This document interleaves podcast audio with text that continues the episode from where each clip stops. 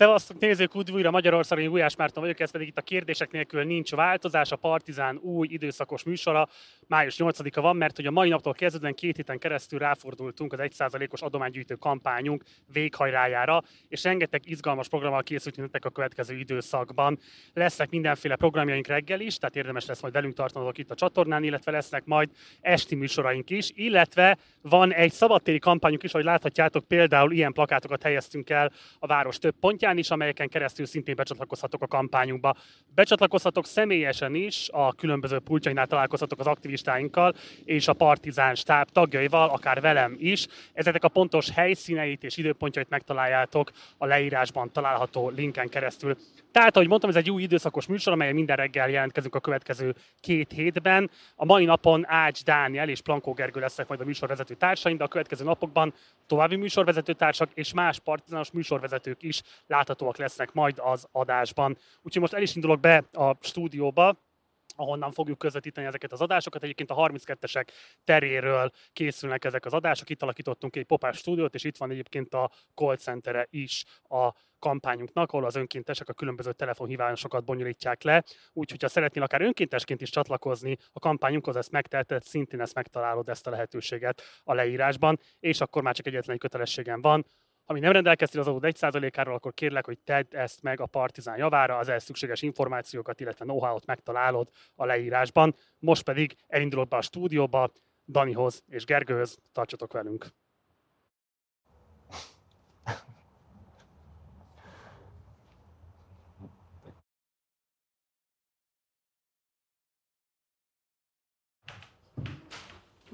Ajé. Hello. Hello. Hello, napokon keresztül próbáltam kitalálni egy ilyen áll-amerikai akcentust, amivel majd így üdvözlünk téged, és eljátszuk, hogy biztos elfelejtetted már, hogy hogy kell mondani, de hát nem, nem, nem megy sajnos. Ez Annak annyira... Andy Vajna volt a nagymestere, rest in peace. Annyira cringe lett volna, hogy inkább hagyjuk. Igen. Meggyőző volt ez a bevonulás. Mit csináltál Amerikában?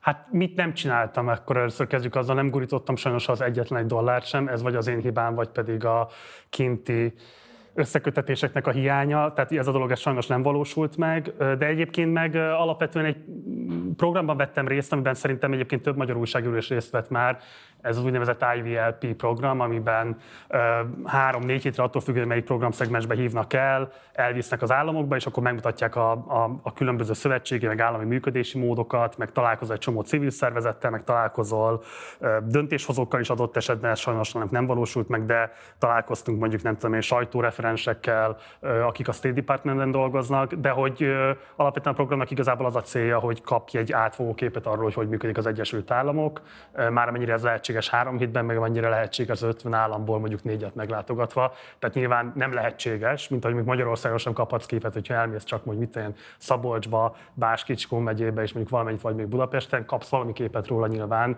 de hát ez egy hatalmas ország, rendkívül divers kultúrával, de azért valamit megtapasztaltam belőle, és az jó volt. Erre te jelentkeztél, vagy, vagy megkerestek téged? Nem, ez, ez abszolút, tehát akkor ez is a, a, a konteót erősítendő, ez mindig így történik, és az összes e, e, meghívottal kapcsolatban is így történt, hogy egyszer csak kapsz egy telefonhívást a követségtől, amiben bemutatkoznak, elmondják, hogy kik ők, és megkérdezik, hogy érdekelne egy ilyen programban való részvétel. És ilyenkor vagy az van, hogy az ember azt mondja, hogy érdekel, és akkor elindul egy folyamat, vagy pedig azt mondja, hogy nem, és akkor onnantól kezdve nem veszik fel tőle többet a kapcsolatot. Tehát nem, ez, ez nem jelentkezéses alapon történik. Nyilván teli voltál előítéletekkel, sőt, meg, sőt tö, több órában tapasztaltuk mi is a Partizán csatornáján ezeket az előítéleteket, de mégiscsak a kapitalizmus, a Wall Street hazájába, ja, ja. a Vogue zónba voltál. Igen. Változott-e az ezzel kapcsolatos? A prekoncepciók hogy alakultak? Ö, hát részben igazolódtak, részben meg árnyalódtak. Na, um, kicsit fejtsd ki. Hát nehéz erről igazából jól. Tehát ugye, amikor kim voltam, ez egy borzasztó izgalmas időszak volt most több szempontból is. Ugye elindult a Trump elleni eljárás New York államban, ami egy ilyen nagyon megosztó kérdés ugye egyrésztről vannak az ilyen jogállamfetisiszták, akik azt gondolják, hogy, hogy, hogy ez egy jó alkalom végre arra, hogy egy elnök, akivel szemben egyébként nagyon sok megalapozott vád vethető föl, úgy hivatali visszaélés, mint egyéb szexuális bűncselekmények, vagy adott esetben gazdasági bűncselekmények miatt még a korábbi üzleti élete kapcsán végre valami miatt megfogták a tökeit, és akkor most már ne legyen eleresztve. Mások meg azt gondolják, hogy pont ez a, mutatja meg a jogállamiságnak a, lehetetlenségét és ássa alá a belevetett, amúgy is egyébként ingatakitet, ami ott sem annyira erős a tengeren túlon. Tehát például ez is egy izgalmas dilemma volt. Ugye erről hogyan alakultak a diskurzusok, akkor ekkor volt az, hogy Tucker Carlson ugye egyrészt vendégül látta Orbán Balást három nappal később, meg kirúgták a Fox News-tól. A kettő között nyilván nincsen összefüggés, csak vicces volt, hogy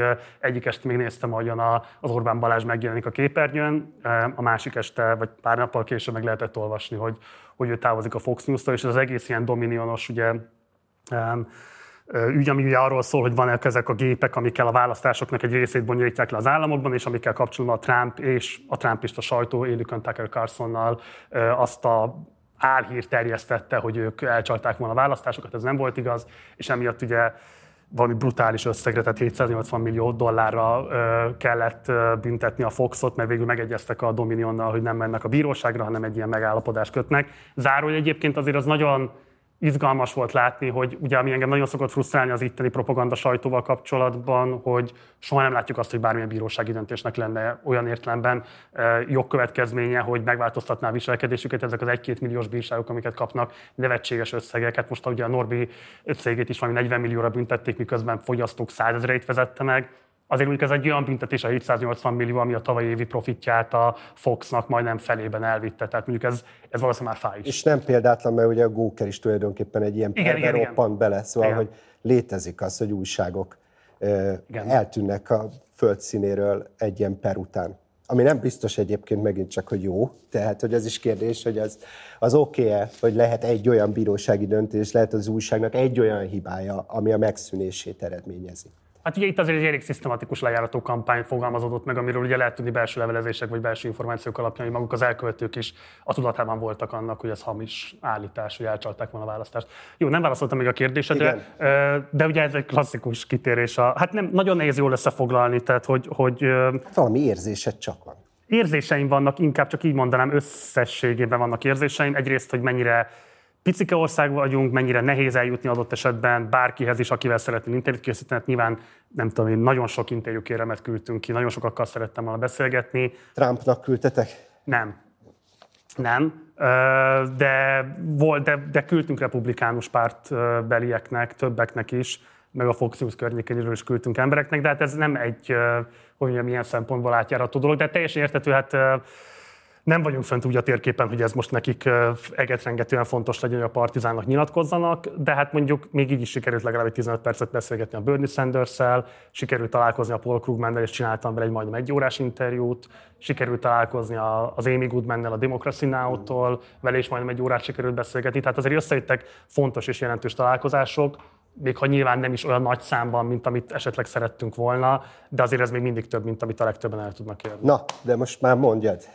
hogy mi változott? Hát nézd, például azt tudom mondani neked, hogy, hogy ez az egészre az kérdés, hogy milyen néha járja át az Egyesült Államokat, és hogy mennyire még a norm, tehát a, a, az adekvát beszédmód is hiányzik róla, az például nagyon dermesztő volt. Tehát mondjuk a legjobban ezt színházi előadásokon keresztül tudom megfogni neked. Amikor kim voltunk, akkor volt a premierje a Metropolitanben a Champion című operának, amit a, nem a Spike Jones, bocsánat, a, a, a segítsetek ki, a, a, a Do the Right Thing-nek a rendezője, segítsetek, Spike Lee, igen, bocsánat, a Spike Lee-nek a zeneszerzője írt, és ez egy kortás opera volt, egy, egy fekete boxolóról, aki homoszexuális, és ezt nem tudta megélni, és ezzel kapcsolatban mindenféle lejárató kampányok fogalmazottak meg ellene, és ő ezért bosszút állt, és megölt egy megölte a, a küzdő a ringben, tehát egy nagy drámai történet, borzasztóan ostoba zene, borzasztóan ostoba szenírozás, borzasztóan ostoba szövegkönyv, stb. stb.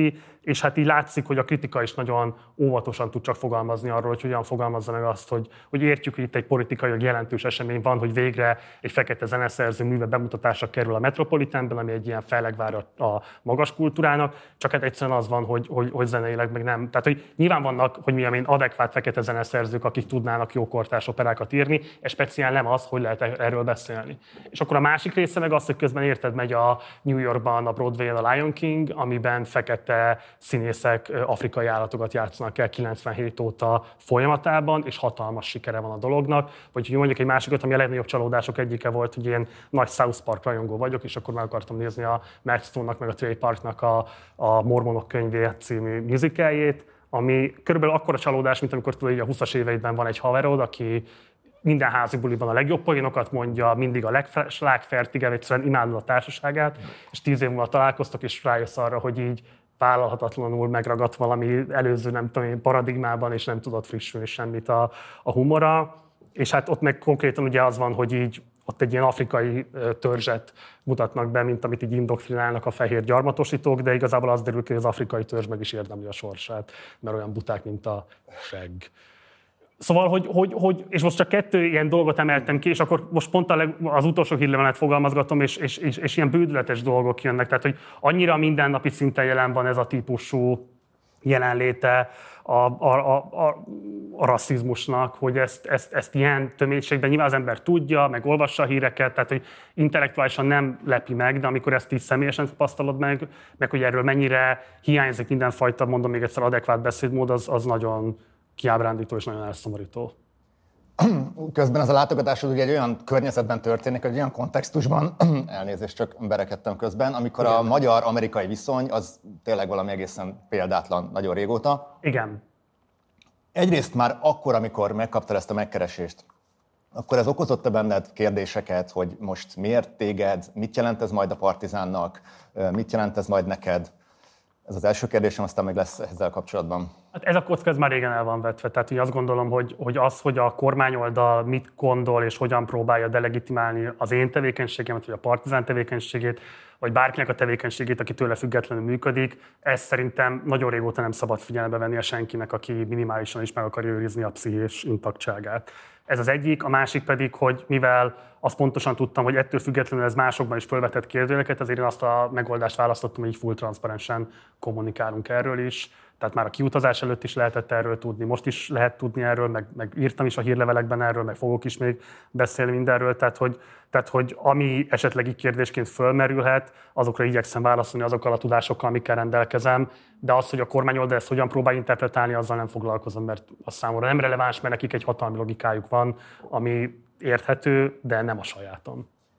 Azt érezted-e, hogy próbálnak-e befolyásolni, vagy bármilyen módon valamilyen irányba terelni az út közben. Hát ugye, és akkor a mandénes kollégák most figyeljenek, mert ugye akkor ez a, amit ki kell vágni tőlem. Tehát nyilvánvalóan minden ilyen típusú cselekedete egy államnak, az így a soft power eszközrendszerébe illeszkedik. Azért hívnak el nyilvánvaló újságírókat a világ minden részéről, hogy bemutassák azt, hogy hogy működik az államoknak a rendszere, és nyilván, hogy valamilyen kritikusak is legyenek magukkal, de közben meg fölmutassák azt is, hogy miért fantasztikus a, a, a rendszer egésze. És mondjuk azt lehetett érezni, hogy a meghívott előadóknak egy jelentős része ideológilag inkább egy ilyen, egy ilyen libertárius irányba húz, ezt sokszor igyekeztek mondjuk visszafogottabban kezelni, de azért voltak élesebb helyzetek, amikor ezt nehezen lehetett. Most mondjak egy példát, amikor például a, a második alkotmánykiegészítésről volt egy nagyobb vita a csoporton belül, ugye ez az a híres alkotmánykiegészítés, ami a szabad fegyverviselés garantálja, bár hogyha szövegszerűen nézzük, akkor egyébként ez így nem pontosan olvasható ki belőle, mindegy, sem akarok részletekbe belemenni, de, de nyilván a csoportnak a döntő többsége, akik részben latin-amerikai, részben ázsiai, részben afrikai országokban jöttek, európaiak voltunk a legkevesebben, bennük ez mély megütközést váltott ki egyáltalán a szabad fegyverviselésnek a kérdése. Ugye voltunk Floridában is, ahol konkrétan Hát ezt most a mostani hírlevelem beírom belül, úgyhogy elmondhatom, hogy például találkoztam egy magyar házaspárral, akik ott élnek jó ideje, de most azért fognak átköltözni Európába, mert a gyerekek rettegnek attól, hogy arról van csak szó az iskolában, a gyerekek körében, hogy mikor lesz végre meg a fegyverviselésre szükséges korhatárjuk, hogy végre fegyverrel járkálhassanak az utcán, mert júniustól ugye elviekben már szabad fegyverviselés van Floridában, tehát még csak eldugni sem kell. És egy ilyen környezetben, meg ezekkel a, ment, ezekkel a fénydetektorokkal, meg ezzel az állandó rendőri jelenléttel, meg hogy azzal a tudásról úgy mész be az iskolában minden szeptember elején, hogy az első órán az történik meg, hogy megtanítják, hogy mit kell csinálni, hogyha esetleg egy ilyen fegyveres támadás éri az osztályt. Tehát, ezzel nem lehet együtt élni. És, és például ott lehetett érezni, hogy azért ennek a árnyalása, magyarázása picit túlmutatott azért azon, hogy így balanszírozzuk ki a véleményeket, és inkább arról szólt, hogy így, hogy így valamilyen módon ennek a teljesen abszurd és abnormális helyzetnek, egy ilyen évszázadokkal ezelőtti teljesen összefüggéstelen alkotmánykiegészítésnek, a belső ellentmondásokkal is terhelt, hogy ma miért lenne bármilyen relevanciája, szerintem az könnyen ismerhető, hogy nem feltétlenül bizonyítható, hogy ez így egy az egyben indokolható, de azt éreződött a csoportvezetőink részéről, hogy ők azért próbálják védeni a mundér becsületét, de hát nyilván ezért is vannak ott. Ezzel együtt is olyan árnyalt beszélgetésekre került sor, amire nagyon boldog lennék, hogyha a magyar kormánytisztviselők vagy a kormányzatnak bármilyen szinten dolgozó emberek részéről sort lehetne keríteni ide-haza. És azzal kapcsolatban mit tapasztaltál, hogy milyen most a Magyarország kép, ami ott él az emberek fejében? Mert hát ha csak a sajtóból indulunk ki, az Mármint, hogy most az embereket nem úgy értem, hogy az utcán az emberek, hanem a közéletben megforduló figurák. Vagy akikkel te találkoztál. Minimális, tényleg minimális. Tehát, hogy én is azt gondoltam, hogy picivel nagyobb a jelentőségünk, mint amit itt tapasztaltam.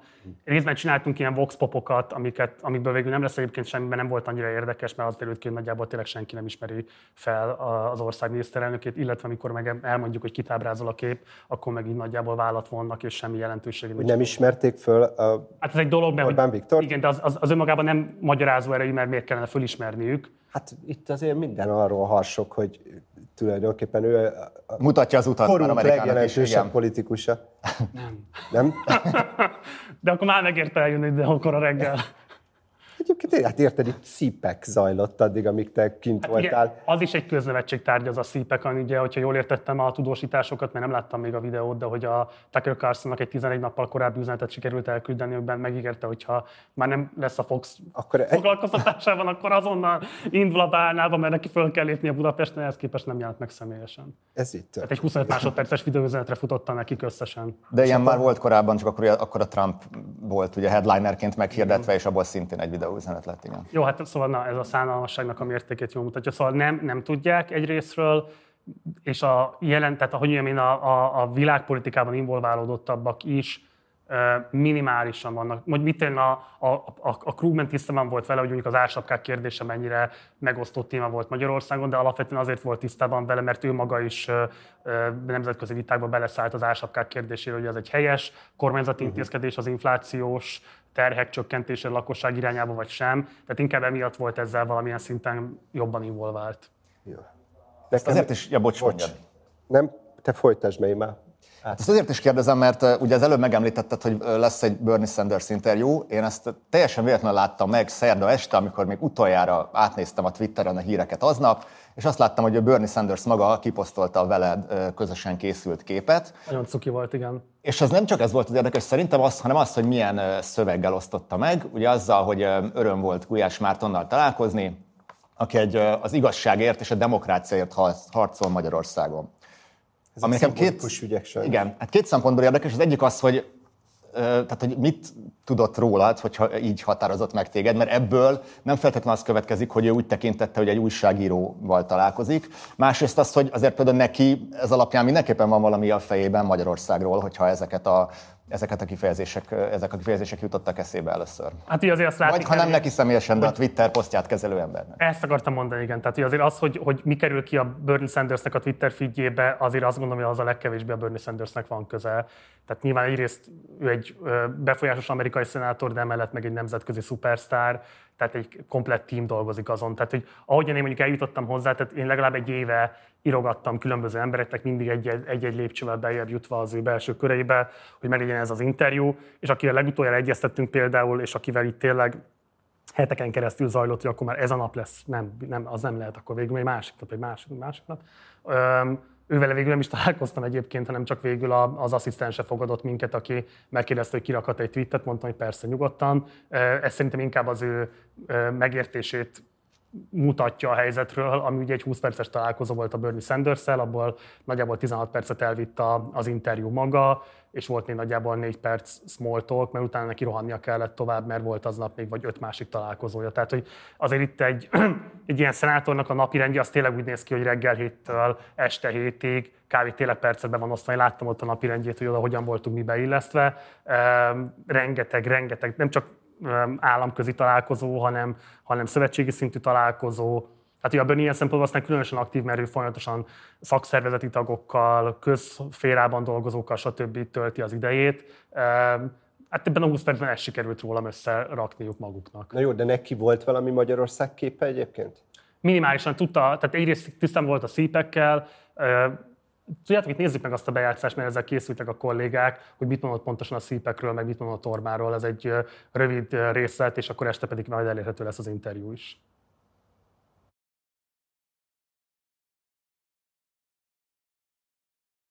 it was rather astounding that there were American conservatives, A, who went to Hungary to, in a sense, honor somebody who was trying to undermine Hungarian democracy. That was kind of weird. And then they invited him here to speak as well. So to, for right wing Republicans to look at an anti democratic leader in Hungary as some kind of model is rather extraordinary and, and terribly unfortunate. Szóval akkor azt mondod, hogy nem te identifikáltad magad szabadságharcosként előttük, és ezért lett ez a kép rólad. Nem identifikáltam magamat előttük szabadságharcosként, nem. Készültünk egy játékkal, eh, ami azzal kapcsolatos, hogy eh, nem tudom, mennyire követted a híreket, amíg eh, oda át voltál. Hát, Ment az itteni ha jól értem a játékban, azt fog kiderülni, hogy mennyire nem, de a saját identifikációm szerint meglehetősen napra készen. Ajaj. Két igaz, egy fake news az a címe a játéknak. Jó. Minden ö, körben elmondunk három mm, hírt, eseményt, content darabot, és abból el kell majd dönteni, hogy melyik az, ami tényleg megtörtént a létező valóságban, és melyik, Melyik az, a hamis? Okay. Dani mondja az elsőt. Nyomogatsz nekem? Igen. Jó. Te is tudod közben. Szalai Bobrovnicki Kristóf honvédelmi miniszter azt mondta, amíg ő áll a honvédelem élén, Magyarországon nem lesz sem LMBTQ, XYZ, sem gendersemleges, sem másmilyen progresszív ideológiával fertőzött haderő. A gendersemleges ő mondta, vagy te fordítod így? Nem, ezek szó, reméljük, hogy szó szerint a, az ő szavai. Trükkös kérdés volt. Robert Sig Kasta, biztonságpolitikai szakértő, az Ultrahang rendezvényén azt mondta, kicsit furcsa iróniája a sorsnak, hogy az utolsó nagy, valóban európai vezető a világpolitikában Adolf Hitler volt. És a harmadik hír, a professzorok Batyányi köre azt nyilatkozta, hogy a kormánynak érdemes lenne nyitottan állni a pedagógusok kritikáihoz, és a st- státusz törvény egyes pontjainak finomítására lehet szükség. Ebből a kettő megtörtént, egy, pedig hamis. Nem feltétlenül. Én nem tudom, egyébként a, a Szalai Bobrovnicki az LMBTQ XYZ-t mondott, mert LMBTQ-t azt hallottam tőle, de az XYZ-t azt nem. Úgyhogy lehet, hogy akkor emiatt hamis ez. A professzorok Batyányi körére mondanám, hogy fake news, egyszerűen csak azért, mert ha jól tudom, ez már egy teljesen non-existens tömörülés, tehát hogy így évek óta nem hallotta a hangját.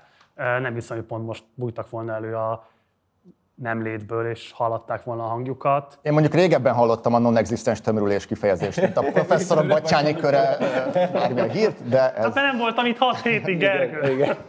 Voltak Visszatértek a tematizálások, abszolút visszatértek a tematizálások. És a De tényleg ezt amúgy angolul is tudod hozni ezt a nyelvet? Szerencsére nem. Ott egy, egyébként angolul sokkal értető, közérthetőbb vagyok szerencsére.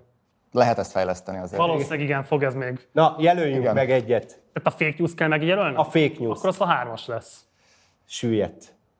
Ö, Ismered Magyarországot? Hát az MTI tudósításában így szerepelt, más tudósításokban azt mondta, hogy direkt játszotta még a szavakkal, mármint hogy az első pontban az LMBTQYZ. Egyébként megnéztem, a professzorok Batyányi köre olyannyira nem non-existens, hogy nemrég Pintér Sándor tiszteletét tette ott, és voltak közös képek is a látogatásról, Wow. de az nem derült Akkor ki, hogy ott, ott, tehát existens. Jó. És ki most a vezetőjük? Azt nem tudjuk. Gírhes Arról nem, nem áll rendelkezésemre tudás a tekintetben. Egyébként ez a Robert C. Castell, ez ezen kívül mivel vétette észre eddig még magát? Ő most egy nagy sztár egyébként a kormányközeli médiában, mint ö, biztonságpolitikai szakértő, akikről mind tudjuk, hogy általában gyanús elemek, akik így megjelennek, de ő valóban Izraelben volt, valamilyen nemzeti parknak volt a veze, őrvezetője, vagy hogy mondják ezt, biztonsági vezetője, és, és most nagyon orba szájba ki van hangosítva.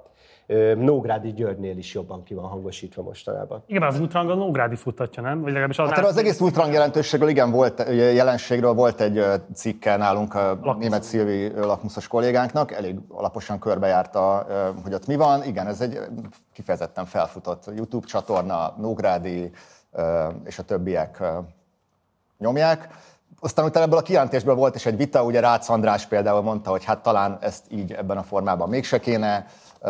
Robert Cikesztel mondta, hogy hát őt nem lehet azzal vádolni, hogy ő dicsőíteni Hitlert, mert, mert csak azt, mondta, hogy a valóban, nem tudom, az európai vezetőként. Az utolsó olyan volt, aki Európában akart világpolitikát csinálni, vagy valami ilyesmi. Mm. Tehát mégis azért nem egy megszokott eleme a közéleti vitáknak. Sikerült. Mehetünk tovább? Mindenképp. A második pont az Origo című nemzetstratégiailag is jelentős konzervatív polgári lap.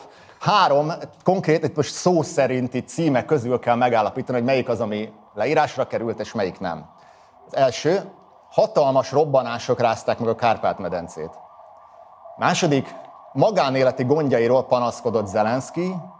Harmadik, megáll az ész, a pornós ringlány brutálisan nagy mellején csak a lélek tartja össze a ruhát, galéria. A harmadik az biztos Origó cím, tehát azt merem a legbiztosabban állítani, hogy abban ráismerek a mostani Origóra, tehát hogy igen, Neked volt talán a cikked a 4 4 hogy olyan rakják össze a híreket a pornós képekkel vegyítve? Vagy, vagy az neked volt, Geri? Hát, hát meg egy magyar játék epizód is volt ezzel. A harmadikra arra, arra, arra látatlanban is merek, merek fogadni nagy, nagy összegben. A második az a sanszos, de túl finom megfogalmazás. Az első is szerintem origó, szerintem a második az, ami nem origó. Um, és nem csak az elképesztő, hogy eltaláltad, hanem azt is, hogy miért.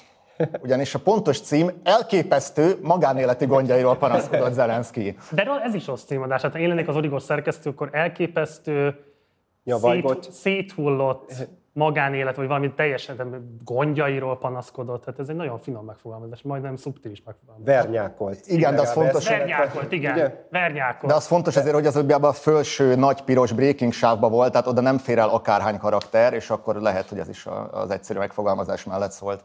Jó. De ez elismerésre méltó, hogy igen. csak a nyelvi finomságból felismerted. Harmadik kérdés, itt most már nem is csak hírekről lesz szó, hanem vizuális tartalmakról, hogy el kell dönteni, hogy melyik melyik. Nézzük. Első. A szípeken a no walk zone táblával ezek szerint tisztában voltál, de Igen. Stop no zone táblát osztogattak, amiben van egy csavar is. Második. A Csókaköi Neonáci Küzdősport gálán ki volt plakátolva a Bellinket szélső jobb oldal foglalkozó újságírójának arcképe, hogy felismerjék, hogyha arra jár, ráközelítünk, ott van Michael Colborn. Melyik Innen nem láttam. Hát Milyen? innen Jó, nem fogjuk látni, mert ez egy, ugye egy ekkora képből kinagyított dolog. Kik a többiek? Akkor ott vannak a, tehát az, az a neoná, Ők a neonácik. Ők az ellenfeleik a neonáciknak?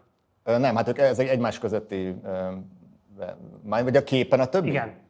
Itt? Tehát ők azok, akiket föl kell ismerni a rendezvényre érkezőknek, hogy ők lehetnek az ellenségek, akik tudósítani Így akarnak? Van, pontosan. Harmadik, Miután Olaszországban előbb korlátozták, majd újra elérhetővé tették a ChatGPT-t, Meloni hivatalos találkozót szervezett egy robottal, amiről videófelvétel is készült.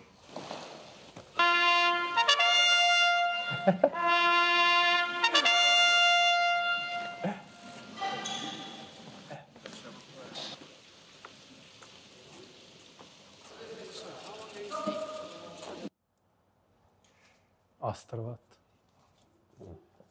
azt kell eldönteni, ezek közül melyik az, ami hamis. hamis.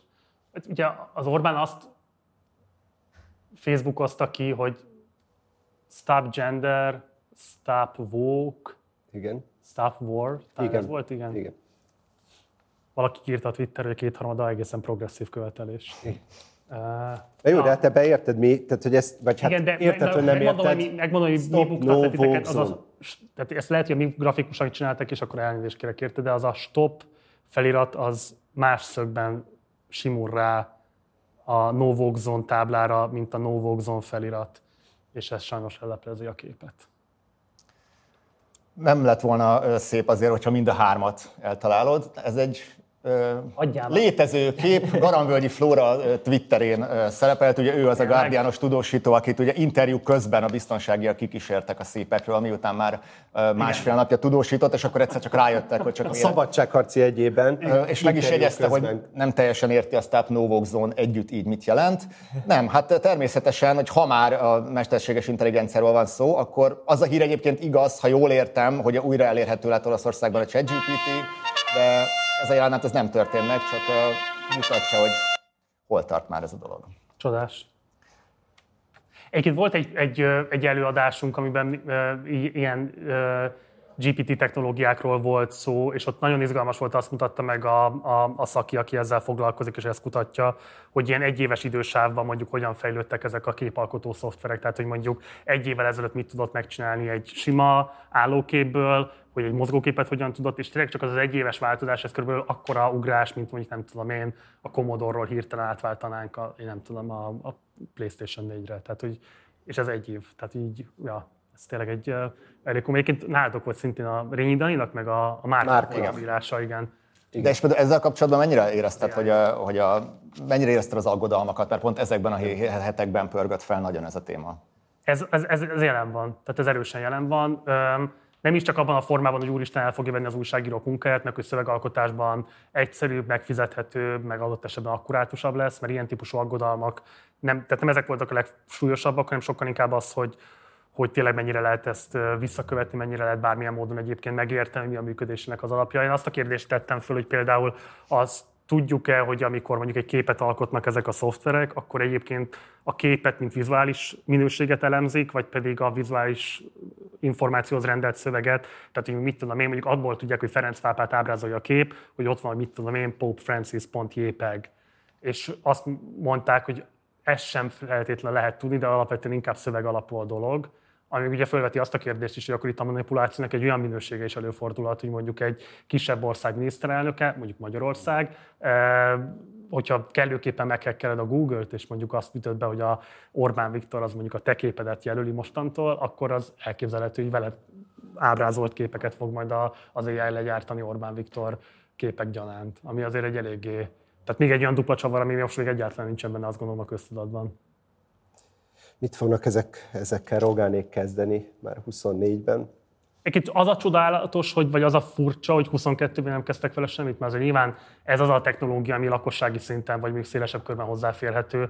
Ez nyilvánvaló, hogy az olyan típusú ügyfelek számára, mint a Rogánék, sokkal nagyobb vagy sokkal cizelláltabb minőségben is elérhető. De ehhez képest meglepő, hogy 22-ben még nem voltak. Hát lehet, hogy a jelölt szolgáltatott ennél is épp eleg információt magának, tehát nem kellett legyártani azt, hogy buzdító beszédeket mondta, hogy harcra magyarok, vagy nem tudom.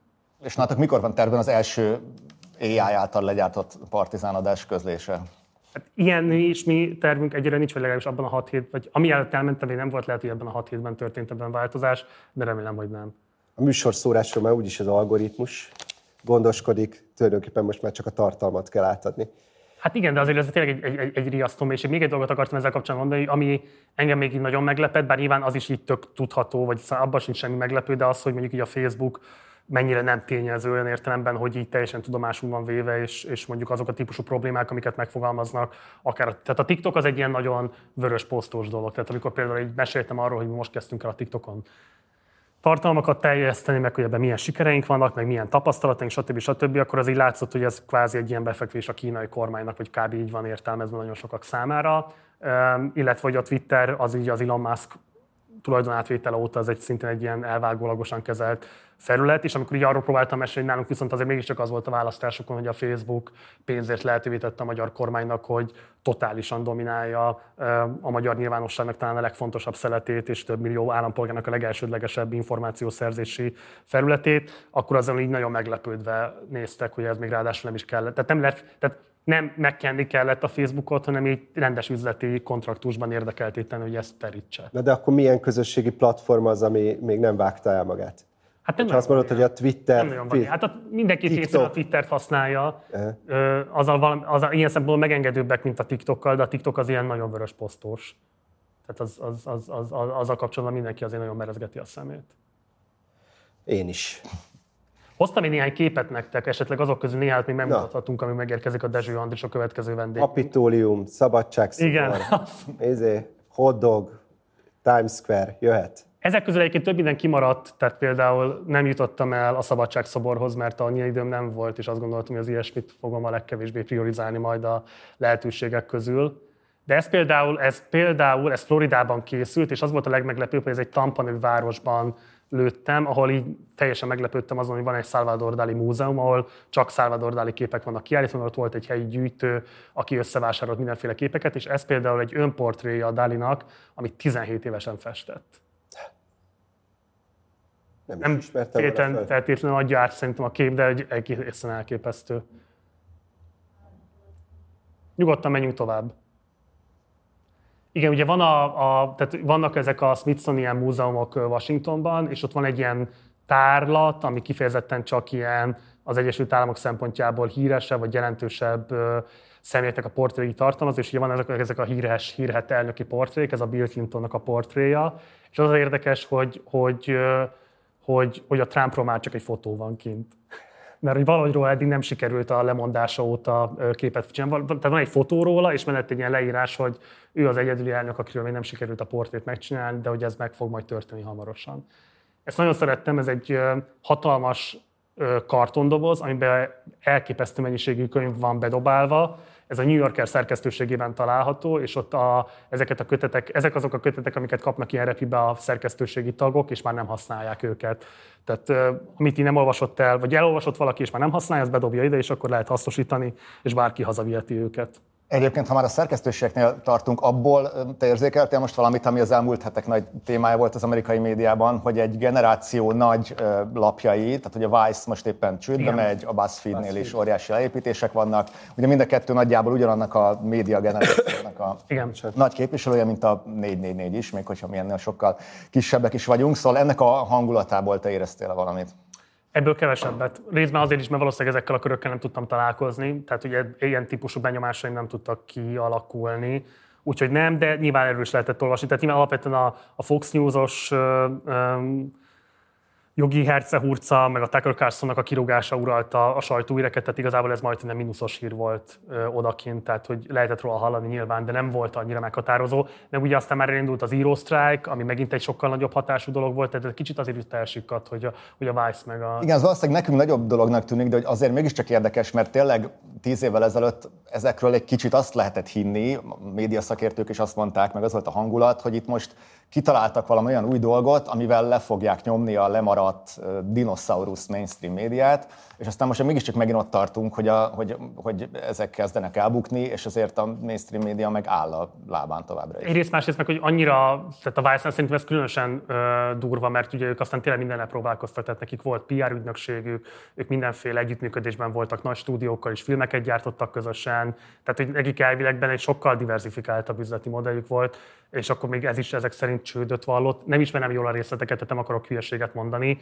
de hogy ez egy érdemes vagy tanulmányozandó dolog, hogy igen, tehát hogy, hogy mégsem tudták a bölcsek kövét felmutatni ezek szerint. Hát itt sok közben most nagyon sok értékes dolog is elveszik azzal, mert, mert, mert amiket csináltak, a, tehát ugye már régen nem arról volt szó, hogy a, elmegyünk bedrogozva, nem tudom mire, és azt fölvesszük, és ilyen jópofa videókat csinálnak, hanem a Például ISIS-tól a, a Ukrajnán keresztül, igen. afrikai polgárháborúkig mindenhonnan tényleg helyszínről készített elképesztően magas színvonalú videókat csináltak, és azért ez most nem látszik egyértelműen, hogy hogyan fog folytatódni. Hát meg, meg tényleg megújították az online mozgóképes, hogy mondjam, világot. Azzal, hogy dokument... volt, az nem kérdés. Igen. Abszolút nem kérdés. Hát nézd, csak egy nagyon olcsó átkötéssel tudom ezt leütni és befejezni ezt a témát, hogy hát a Vice, ezért is fontos a közösségi finanszírozás, ugye a 4 mint a Partizán esetében, és ezért fontos, hogy a kérdések nélkül nincs változás kampány, minél többen adják az 1%-ukat lehetőség szerint a Partizánnak. Bennem nincs ennyi marketing, és azért azt hittem, hogy az lesz, hogy a Vice meg a bűn, és akkor Dezső András, de a tiéd jobb De ez volt. még jobb, úgyhogy mindenképpen akkor ezek után most már csak a Dezső András következzen, akinek nagy főnök címmel fog megjelenni, talán már meg is jelent a legújabb kötetet Eh, amelyben Portik Tamás visel dolgairól beszélt. Eh, most nézzük meg egy rövid összeállítást magáról Portik Tamásról, utána pedig következik Dezső Andris itt a stúdióban.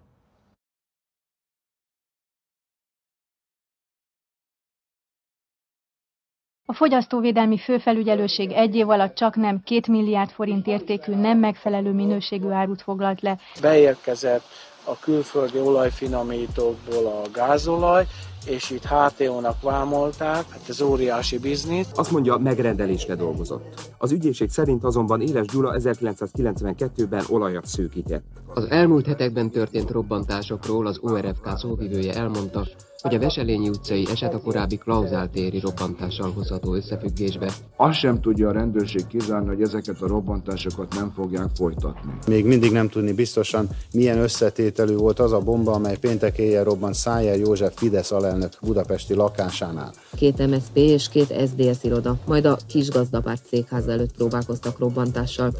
Mindenki nyíltan tudtott kinek át az útjába. Most a hát tisztázunk most, ez a politikusnak, persze 10 millió forintért vérdíjat tűztek ki a, a, a úgynevezett ellentábor, ha nevezhetjük így a, a fejemre. A detonáció és a robbanást követő tűz megcsonkította, és a felismerhetetlenségig összeégette az áldozatokat. Most lett elég bizonyíték arra, hogy felbújtóként bíró elé állítsák Portik Tamást. A repteget maffiózót összesen már két gyilkosság megrendeléséért ítélték el, és most megint két ügyben vádlott.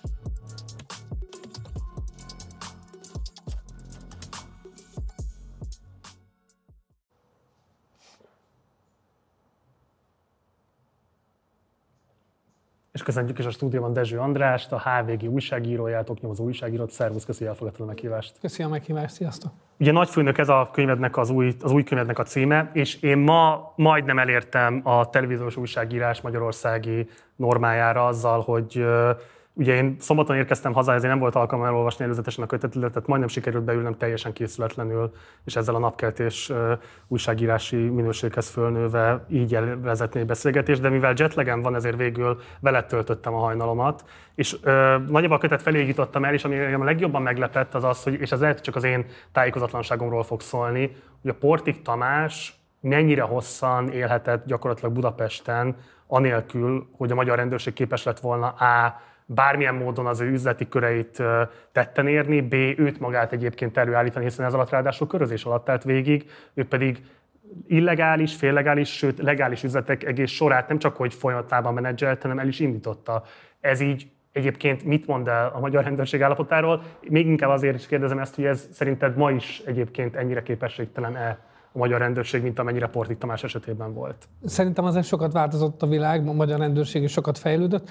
Ö, igazából 97 és 2004-5 közé tehető az az időszak, amikor Portik illegalitásban volt, akkor Magyarországon volt nagy részt, vagy szinte teljesen, de nem feltétlenül Budapesten, a vége felé jött, a bujkálásnak a vége felé ide Budapestre, és utána 2003-4 körül elévült ellene a gazdasági bűncselekmény, ami miatt keresték. Tehát 2012 az elfogásáig igazából ő, ő, ő ugye nem állt körözés alatt, és és ö, ö, hát valóban a rendőrség amúgy nem nagyon tudott vele mit kezdeni, miközben tudták, sejtették, hogy nagyon sok ö, korábbi ilyen életellenes erőszakos ügy, ügyhöz köze lehet. De hogy a te szerint a rendőrségnek képessége nem volt őt fülön csípni, vagy akarata? Akarat szerintem lett volna, képessége nem nagyon volt, mert ez egy nagyon zárt világ volt, amit ő alkotott. Nem beszéltek ki az embereket. Boros Tamást, hogy láttuk, itt ugye a felvezetőben fel is robbantották, ő volt az egyik ember, aki kibeszélt, pedig ő nem is tartozott Portiknak a, a közvetlen környezetében, tehát nagyon nehéz volt, még egyébként a 2012-es elfogása után is az bizonyítani, hogy azok az ügyek, amelyekhez a rendőrséget kötötte, hogy valóban neki ehhez köze volt. Tehát ez, ez azért egy összetettő, nagyon jó konspirált nagyon-nagyon jól. Tehát most úgy fogalmazok, hogy, hogy, hogy hogy a figyelők, tehát akik mondjuk rajta voltak, ők azt hitték sokáig, hogy, ki van, hogy valaki kiképezte. Valaki még a mai napig azt gondolja, mert hogy annyira jól megtanulta egyébként valószínű szakkönyvekből, filmekből, hogy hogyan kell konspirálni. De komolyan, tehát a, és nyilván ez egy jó indok is volt arra, hogy na miért nem tudtuk elkapni, hiszen ha valaki ennyire jó konspirál, akkor azt nehéz elkapni. Na, de tehát tulajdonképpen Portikról már az első könyvedben is írtál be. Nem tudom, hogy ott meg van-e nevező, vagy csak mennyétként szerepel, mennyétként. vagy Porti, mennyétként szerepel, ugye ez a Bece neve, amiről, amit most fel is fetsz majd ebben a könyvben, hogy miért, miért, miért mennyit. De hogy hát azért a 90-es években és előtte nagyon sok nagyformátumú gangszer működött Magyarországon, Portik mégis kiemelkedik. Mi, mi az, ami őt különlegessé teszi mik azok a jellemvonások, amik őt különlegesé teszik? Miért emeltett ki végül is az első könyvből Portikot, és lett belőle egy külön könyv? Hát egyrészt azért, mert az, az szerintem egyedülálló, hogy van elég sok, tehát a 90-es éveket azért szerintem történelmi szempontból is érdekes, hogy elképesztő sok gyilkosság volt, robbantásos merénylet, stb. És nagyon érdekes, hogy ezek mind összefüggésben hozható Portik Tamással, vagy úgy, hogy egyébként már jogerősítélet van, vagy úgy, hogy a rendőrség valamilyen módon őt köti ez a, ezekhez a cselekményekhez. A másik, hogy ők azért emelkedik ki a többiek közül egy átlagos gangstertől, mert sokkal tudatosabb volt, ugye ő nem ivott alkoholt, nem drogozott, tényleg, ahogy konspirált, az is egy iszonyú szigorú szabályok mentén élt. Nagyon, na, az egész neki volt talán a legerősebb ambíció, ambíciója arra, hogy Magyarországon egyfajta mafiát létrehozzon. Hát volt is ilyen, voltak is ilyen sztorik, amikor bujkált, hogy ő úgy akarta prezentálni magát más bűnözők előtt, hogy ő, ő egy ilyen keresztapa. Uh-huh. Tehát ez mindenképpen, ez egyszer nem volt jellemző korábban a magyar szervezetbűnözésre. Itt azért inkább haverokról volt szó, akik összeállnak egy csoportba, bandába. Ő pedig tényleg azt akarta megtestesíteni, azt akarta megvalósítani, amit a filmekben látott. Itt Geri kérdése, azt talán most idevág. Abszolút idevág. Ez nem is csak ehhez a könyvhez kapcsolódik, hanem én érzek egy ilyen közös elemet az eddigi négy könyvedben, hogy általában hozzáállsz ezekhez a történetekhez, az alvilágtól a felvilágig, hogy ezek ugye a legtöbb ember fejében ilyen nagyon misztikusnak tűnnek, nagyon, mintha ezek valami egészen másik állatfaj lennének, vagy ilyesmi. És ugye lehetne egy olyan írói megközelítés is, hogy valaki erre éppen rájátszik, és még inkább ilyennek igyekszik bemutatni. De én pont azt érzem nálad, hogy, hogy te meg mintha pont, hogy demisztifikálni akarnád egy kicsit, vagy dekonstruálni, hogy ezek azért valójában ugyanúgy emberek, csinálnak emberi dolgokat, szervezetek működnek jól, rosszul, és nem úgy kell elképzelni, mint valami csodalények. Hogy ez, ez így van-e, és hogy miért, ha igen? Ez, ez abszolút így van. A titkosszolgálatos könyvnél is ezt próbáltam kicsit demisztifikálni ezeket a szervezeteket, és igen, a magyar szervezetbűnözésnél is. Ö, amiatt van ez, mert bennem is, amikor elkezdtem ezekkel foglalkozni, mint újságíró, akkor én is misztikumokat láttam, ú, a portig, aki nem tudom, megközelíthetetlen. A, tehát mindig voltak ilyen a milliárdos, a, nem tudom, tehát, tehát mindig benne a maffiózó. És, és amikor elkezdtem ezekkel a témákkal foglalkozni, nyilván nem ez volt a fejemben, hogy na, akkor demisztifikálom, hanem ahogy találkoztam azokkal, akik közvetlenül ismer, mondjuk Portik esetében közvetlenül ismerték őt, akkor meg az egész szervezetet, vagy amit ő így próbált felépíteni, akkor igen, így, így hullottak le ezek a kis misztikumok, tehát, hm. hogy, és a végén ugye nyilván a könyvet nem lelőve, de tényleg egy, egy nagyon tudatos, nagyon profi bűnöző, aki megpróbál felépíteni valamit, és a végén egy ilyen kis kisemberként végzi, amikor rájön arra, hogy Magyarországon itt nem nagyon lehet azt eljátszani, amit esetleg a filmekben látott. Tehát, hogy kicsit olyan, mint hogyha mindenki, akár titkosszolga, akár mafiózó vagy bűnöző, Magyarországon egy idő után szembesülne azzal, hogy ez egy kicsi piac, és hogy, hogy hogy túl megosztott ahhoz, hogy itt bármit is, bármi nagy dolgot elérje. Mindig ezt, ezt tapasztalom, és nem, nem, nem, nem így állok hozzá, hogy na akkor most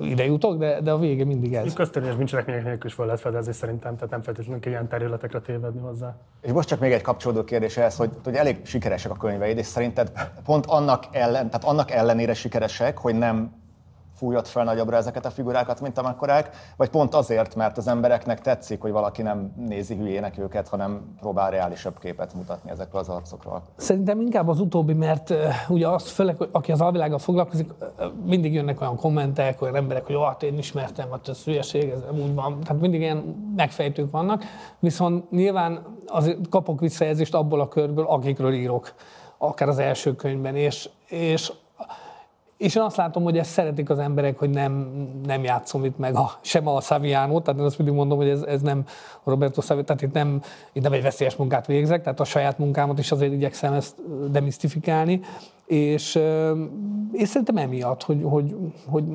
érzik, hogy nincsenek hülyére véve, valószínűleg igen, emiatt.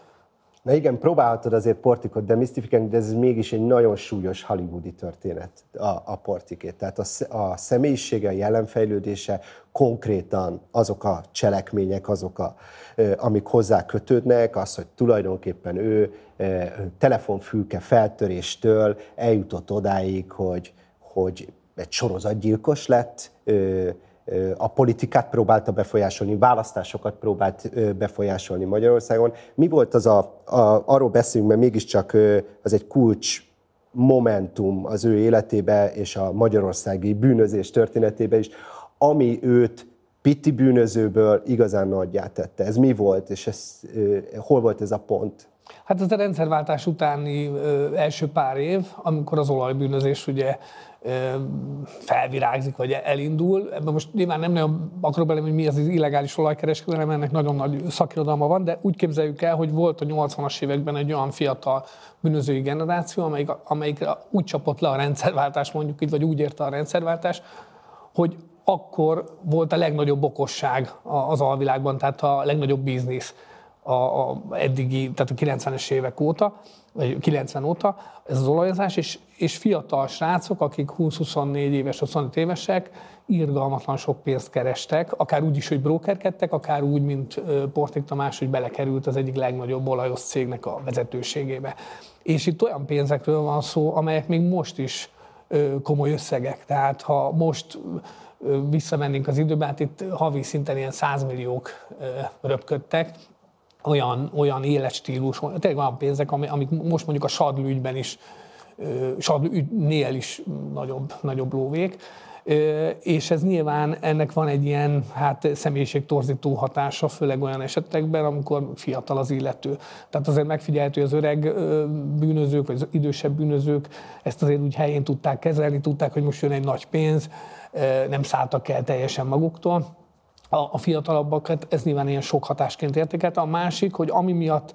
És azt írod, bocsánat erre, hogy ez szinte villámgyorsan történt. Tehát, hogy ennek nem volt egy felfutása ennek az olajbiznisznek, hanem ez, ez egy nagyon rövid időszak volt. Ez tényleg hónapok alatt, és utána pedig pár évig tartott, de, de hála egyébként, hogy köszönhetően, hála idézőjelesen, köszönhetően Szemjön Mogievicsnek, az orosz üzletembernek, akiről most már tudjuk, mert erről is vannak vallomások, hogy ő finanszírozta meg, tehát az oroszok, és, és emellett van még egy dolog, hogy 80-as években, akik mondom, ilyen kamaszok voltak, vagy fiatal felnőtt bűnözők, ők azt látták, akkor jöttek be ezek a narrációs filmek, lehet, hogy emlékeztek ezek a ha, meg halálos iramban, meg minden. Azt látták, hogy, ja, hogy itt nem pofonokkal oldjuk meg a dolgokat, mint a Piedone filmekben, hanem, hanem akkor lövés, tehát fegyverrel, és és sokkal erőszakos, erőszakosabb volt az az újabb generáció. És akkor még ugye nem voltak térfigyelő kamerák, nem volt egy csomó olyan dolog, ami ma visszatartja a bűnözőket.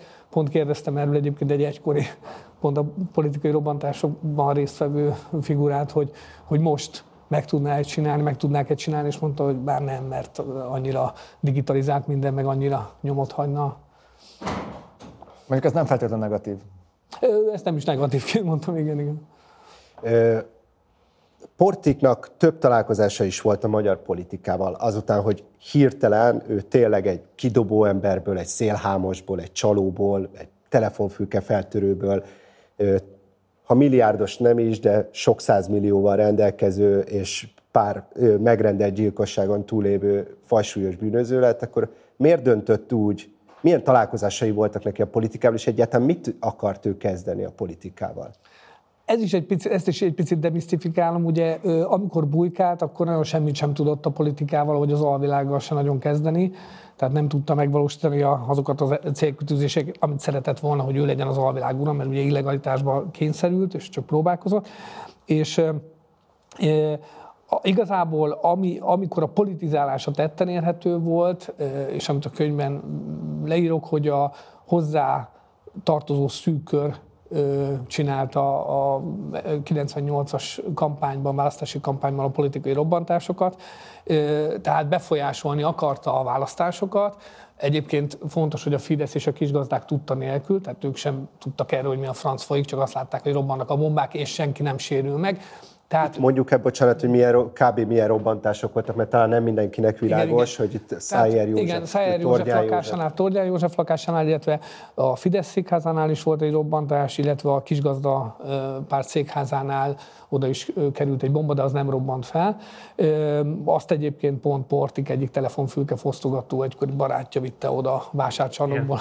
Az a szatyros történet, az, az csodálatos. Igen. Hát most csodálatos, igen, igen. Szóval mindegy. És, és igazából, tehát úgy képzeljük, hogy van valaki, akinek nagyon sok pénze van, akkor azt gondolja, hogy hogy ezen a sok pénz, ugye nagyon sok mindent meg tud rendelni, főleg ilyen robbantások, ezek az erőszakos cselekmények, az, erre a felvilág nem volt képes, és akkor ezáltal akkor majd ő befolyásolja a dolgokat. És ez a képesség aztán idővel megkopik, és a két... Bocsánat, csak hogy ezt még fejtsük egy picit ki, hogy milyen céllal akarta befolyásolni ő a választásokat. Mi Hát, hogy ő neki személyesen mi volt ezzel? Azt szerettem volna, hogyha az MSZP-SZDSZ kormány akkor megbukik, és a jobboldali politikai erők kerülnek hatalomra. Ennek egyébként egyszerű magyarázata van, Akkoriban a Központi Bűnüldözési Igazgatóság, tehát a magyar FBI a MSZP-SZDSZ kormány alatt alakult, és ez volt fő, Portiknak az egyik fő ellensége, és nyilván úgy voltak vele, hogy minden egyes kormányváltásnál ezek az intézmények, amiket létrehozott egy-egy ciklusban létrejött, akkor ez, ezt majd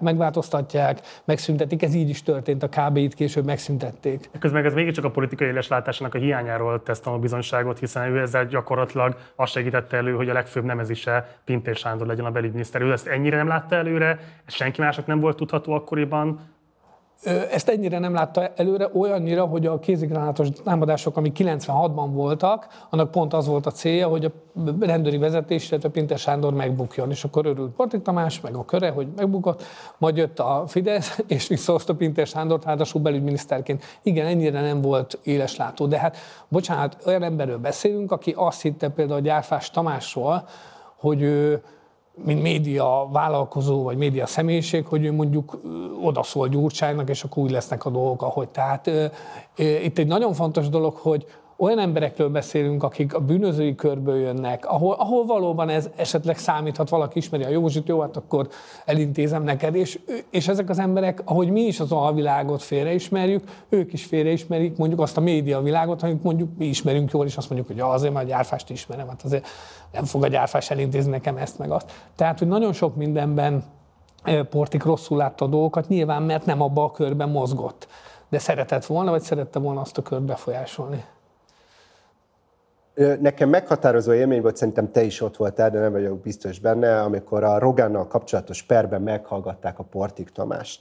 Ugye itt a Juhász és a Rogán acsarkodott egymással, és akkor a Juhász Péter tanúként beidézte az akkor már börtönben ülő Portik Tamást, hogy tanúskodjon azzal kapcsolatban, hogy Rogán Antal korrupciós pénzeket fogadott el, és ott a Portik Tamás, én ott találkoztam vele személyesen először, e, hátborzongató élmény volt, hogy egy milyen egy manipulatív figura, tehát ahogy Andyről és Árpiról beszélt végig, a lehető legtermészetesebb, és mindig mondta, bocsánat, nekem Andy, meg, meg nekem Árpi, de itt rászólt a bíró, hogy akkor itt most kiről van szó, hát Habony Árpádról beszél. Szóval nyilván kicsit gagyi is volt, de közben látszott, hogy ő mindig ösztönösen manipulálni próbál, és hát mégiscsak két nagy manipulátor összecsapása volt Rogán Antalnak és Portik Tamásnak ez a, ez a bírósági tárgyalás, és ő ott elmeséli, hogy hogyan keveredett bele ebbe a körbe, a Habony-Rogán körbe. Erről te találtál valamit? Ez valós? Elképzelhető, hogy tényleg ő vitt 10 millió forintot a Ferenciek terén Rogán Antalnak?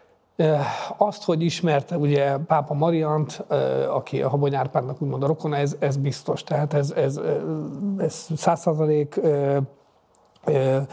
Sőt, valamilyen nem álltak, viszonyban így voltak? Van, igen, igen, igen, de nem álltak üzleti kapcsolatban.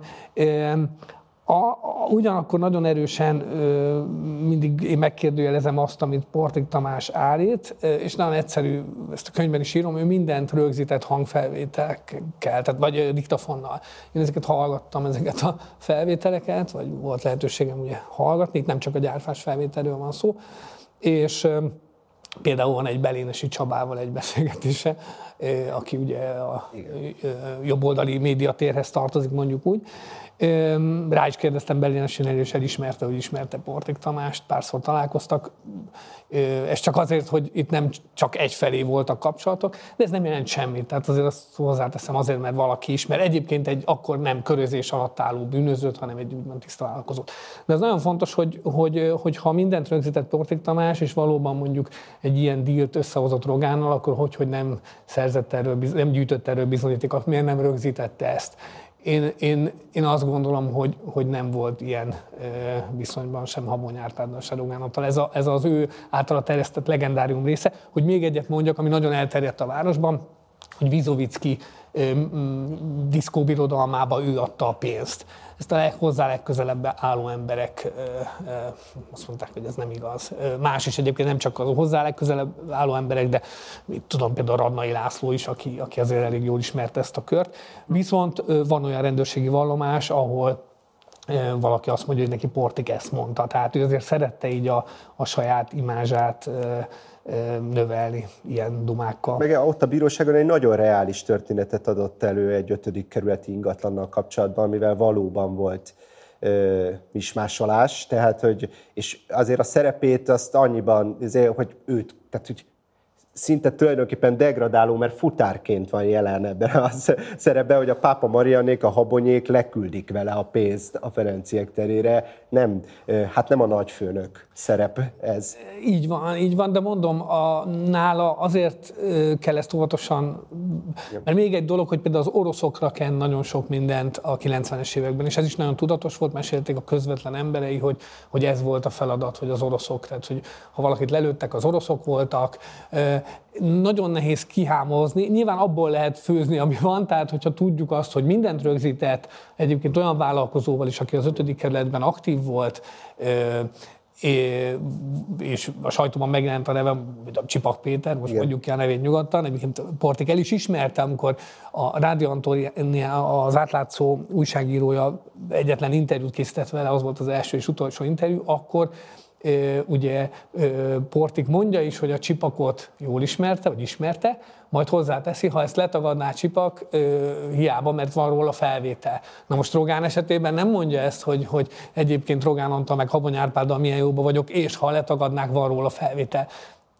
Nagyon-nagyon csodálkoznék egy kép, ami ugye, jó. Egy kép, ami a hátul, valahol hátul ott van Rogán Antal. Azért ez az alvilágnak egyébként sorolhatnám a neveket, akik az alvilágban ugyanezzel operáltak. Magyar Robert innen nem messze a, a box, nem tudom, milyen, ilyen, azt hiszem a Kokónak volt egy Igen. kocsmája, és ott Orbán Viktor a, a, fotózkodott, majd e, ezt fújták fel, Prisztás József Kunce Gáborral fotózkodott, tehát az, ez nem egy olyan nagy dolog egy nyilvános eseményen úgy lefotóztatni. Ja, és hozzáteszem, az is nagyon manipulatív, ugyanis sportig soha nem engedte, hogy fotózzák, soha. Ilyen esetben érdekes módon engedte, hogyha ott van mögötte Rogán Antal. Tehát ez nagyon fontos.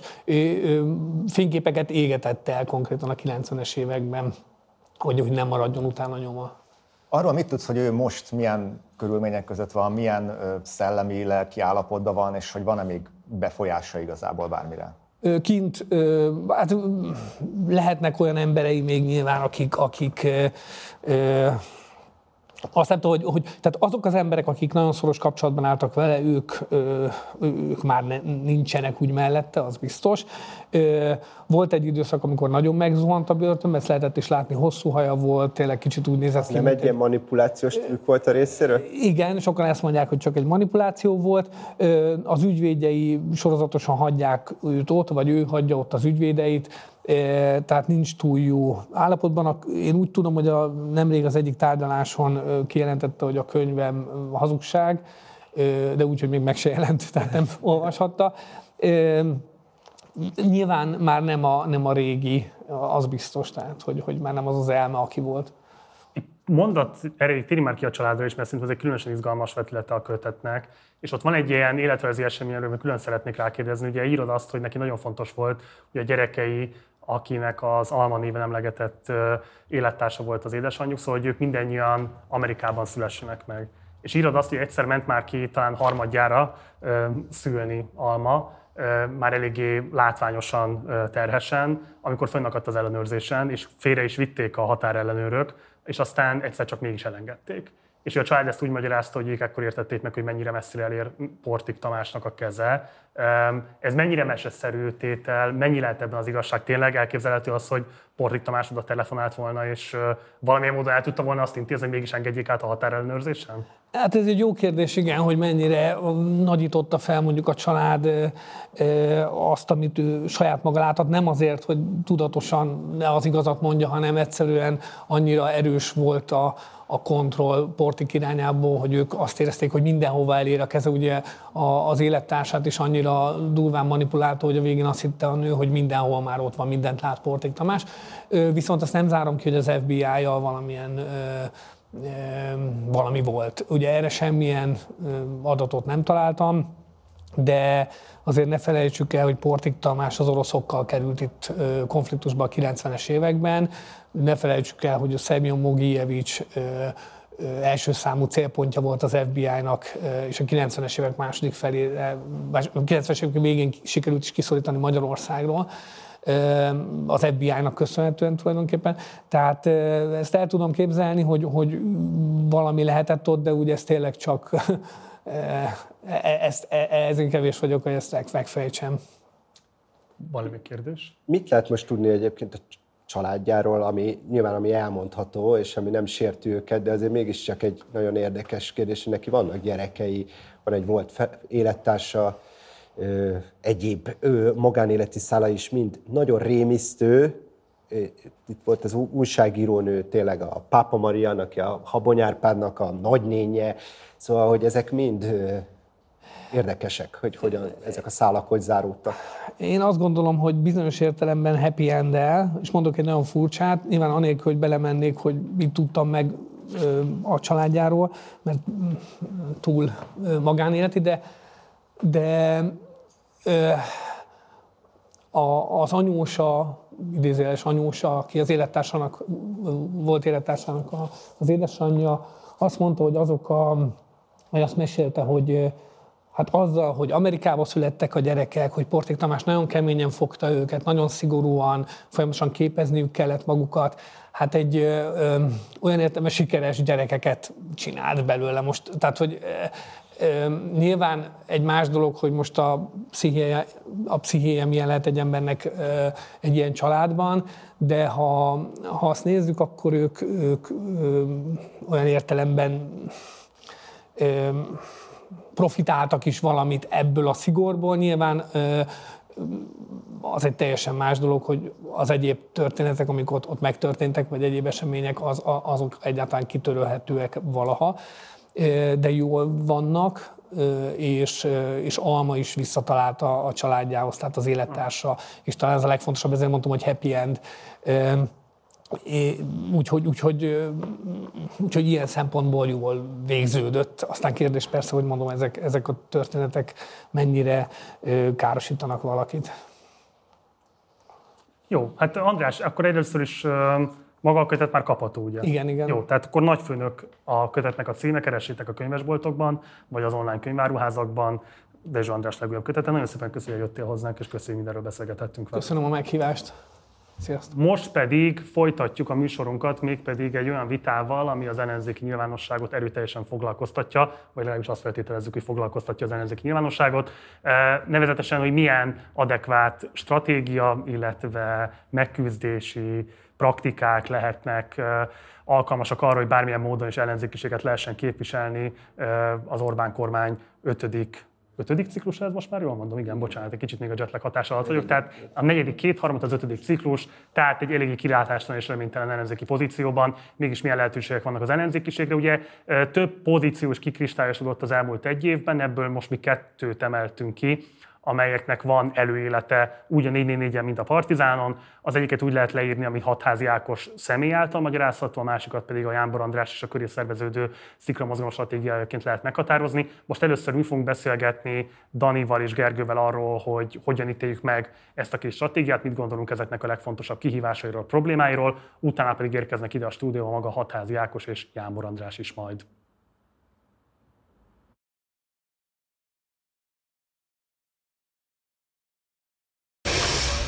Várjál, még a is erőt. Jó. Tegye messzebb a lábát, és akkor Tegye messzebb a lábát, uram. Milyen alapot intézkedik? Milyen alapon Milyen alapon intézkedett? Uram, lefogás néme legyen nem fog sérülni. Hazugságnak meg a cinizmusnak a jelképe, hogyha itt hagyjuk és nem szedjük le újra és újra, az azt jelenti, hogy beletörődtünk a hazugság meg a cinizmusba. Az országgyűlési törvény alapján mentelmi jogunk van, bűncselekmény esetén, bűncselekmény esetén önök, érhetnek hozzánk, egyébként nem nyúlhatnak hozzá. Ön jogszabály, jogszabály, ezt csinálják önök, ezt, éppen ezt csinálják, hivatalos személyek vagyunk, és önök hivatalos személy elleni erőszakot követnek el. Igen. Ne nyúljon hozzá! Ne nyúljon hozzá! Nem nyúltam önhöz. Fizessenek a gazdagok! Fizessenek a gazdagok! Fizessenek a gazdagok! Passzívan áll! Passzívan áll! Fizessenek a gazdagok! Passzívan áll! Fizessenek a gazdagok! Fizessenek a gazdagok! Fizessenek a gazdagok! Fizessenek a gazdagok! Fizessenek a gazdagok! Fizessenek a gazdagok! Fizessenek a gazdagok!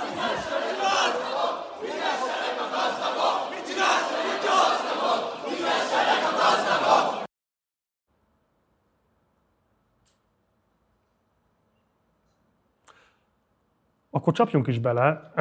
Kezdhetjük-e ott, vagy akarod mondani? Igen, hát mielőtt megérkeznek a fő fellépők, ugye egy ilyen előzenekaros felállás lenne, mert hogy ebben a témában te is, Marci, és te is, Dani, kifejtettétek a véleményeteket, úgyhogy most legyen az, hogy én egy ilyen konstruált centrum pozíciót felveszek itt, és beszélünk arról, hogy ki, ki mit mondott ezzel kapcsolatban. Bocsánat.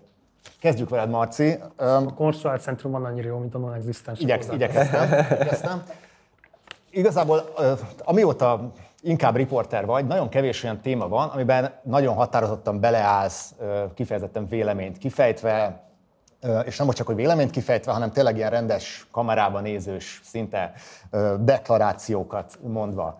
Ez az egyik ilyen téma, hogy, hogy hatházi Ákos tevékenysége milyen. Ugye a Tavaly tavasszal, nem sokkal a választási eredmény után volt egy ezzel kapcsolatos monológod a Partizánban, ahol azt mondtad, hogy Hatházi Ákos akadályozza az ellenzéki szembenézést, és hogy a gesztus politizálást folytatja, ami, ami szerinted hozzájárul az újabb és újabb fideszes kétharmadokhoz. Majd volt még egy hasonló monológ, az pedig akkor volt, amikor éppen zajlott az általuk szervezett MTV tüntetés, és a Partizán pedig akkor éppen szakszervezeti vendégekkel szervezett egy beszélgetést, aminek a végén te elmondtad a kamerába, hogy részben szándékos is az időzítés, mert ki akartátok fejezni, hogy ez nagyobb figyelmet érdemel most. Tehát, hogy ez egy olyan téma, amivel sok más ügynél sokkal egyértelműbben állsz bele. Miért? Szerintem egyébként az első egy picivel ennél árnyaltabb volt a véleményem, inkább azt próbáltam utalni, hogy hogy az biztos, hogy az ellenzéki megülásnak egy akadálya az, hogyha ugyanazokat a cselekedeteket és ugyanazokat az akciókat görgeti maga előtt újra és újra az ellenzék, amelyekről már többször is bebizonyosodott, hogy nem alkalmas arra, hogy többséget képezzen a maga számára Orbánnal szemben. És én nem gondolom azt, hogy Hatházi Ákos egy szemében akadálya lenne az ellenzéki megújulásnak. Én erről az akció típusról, meg erről a típusú politizálásról akartam beszélni.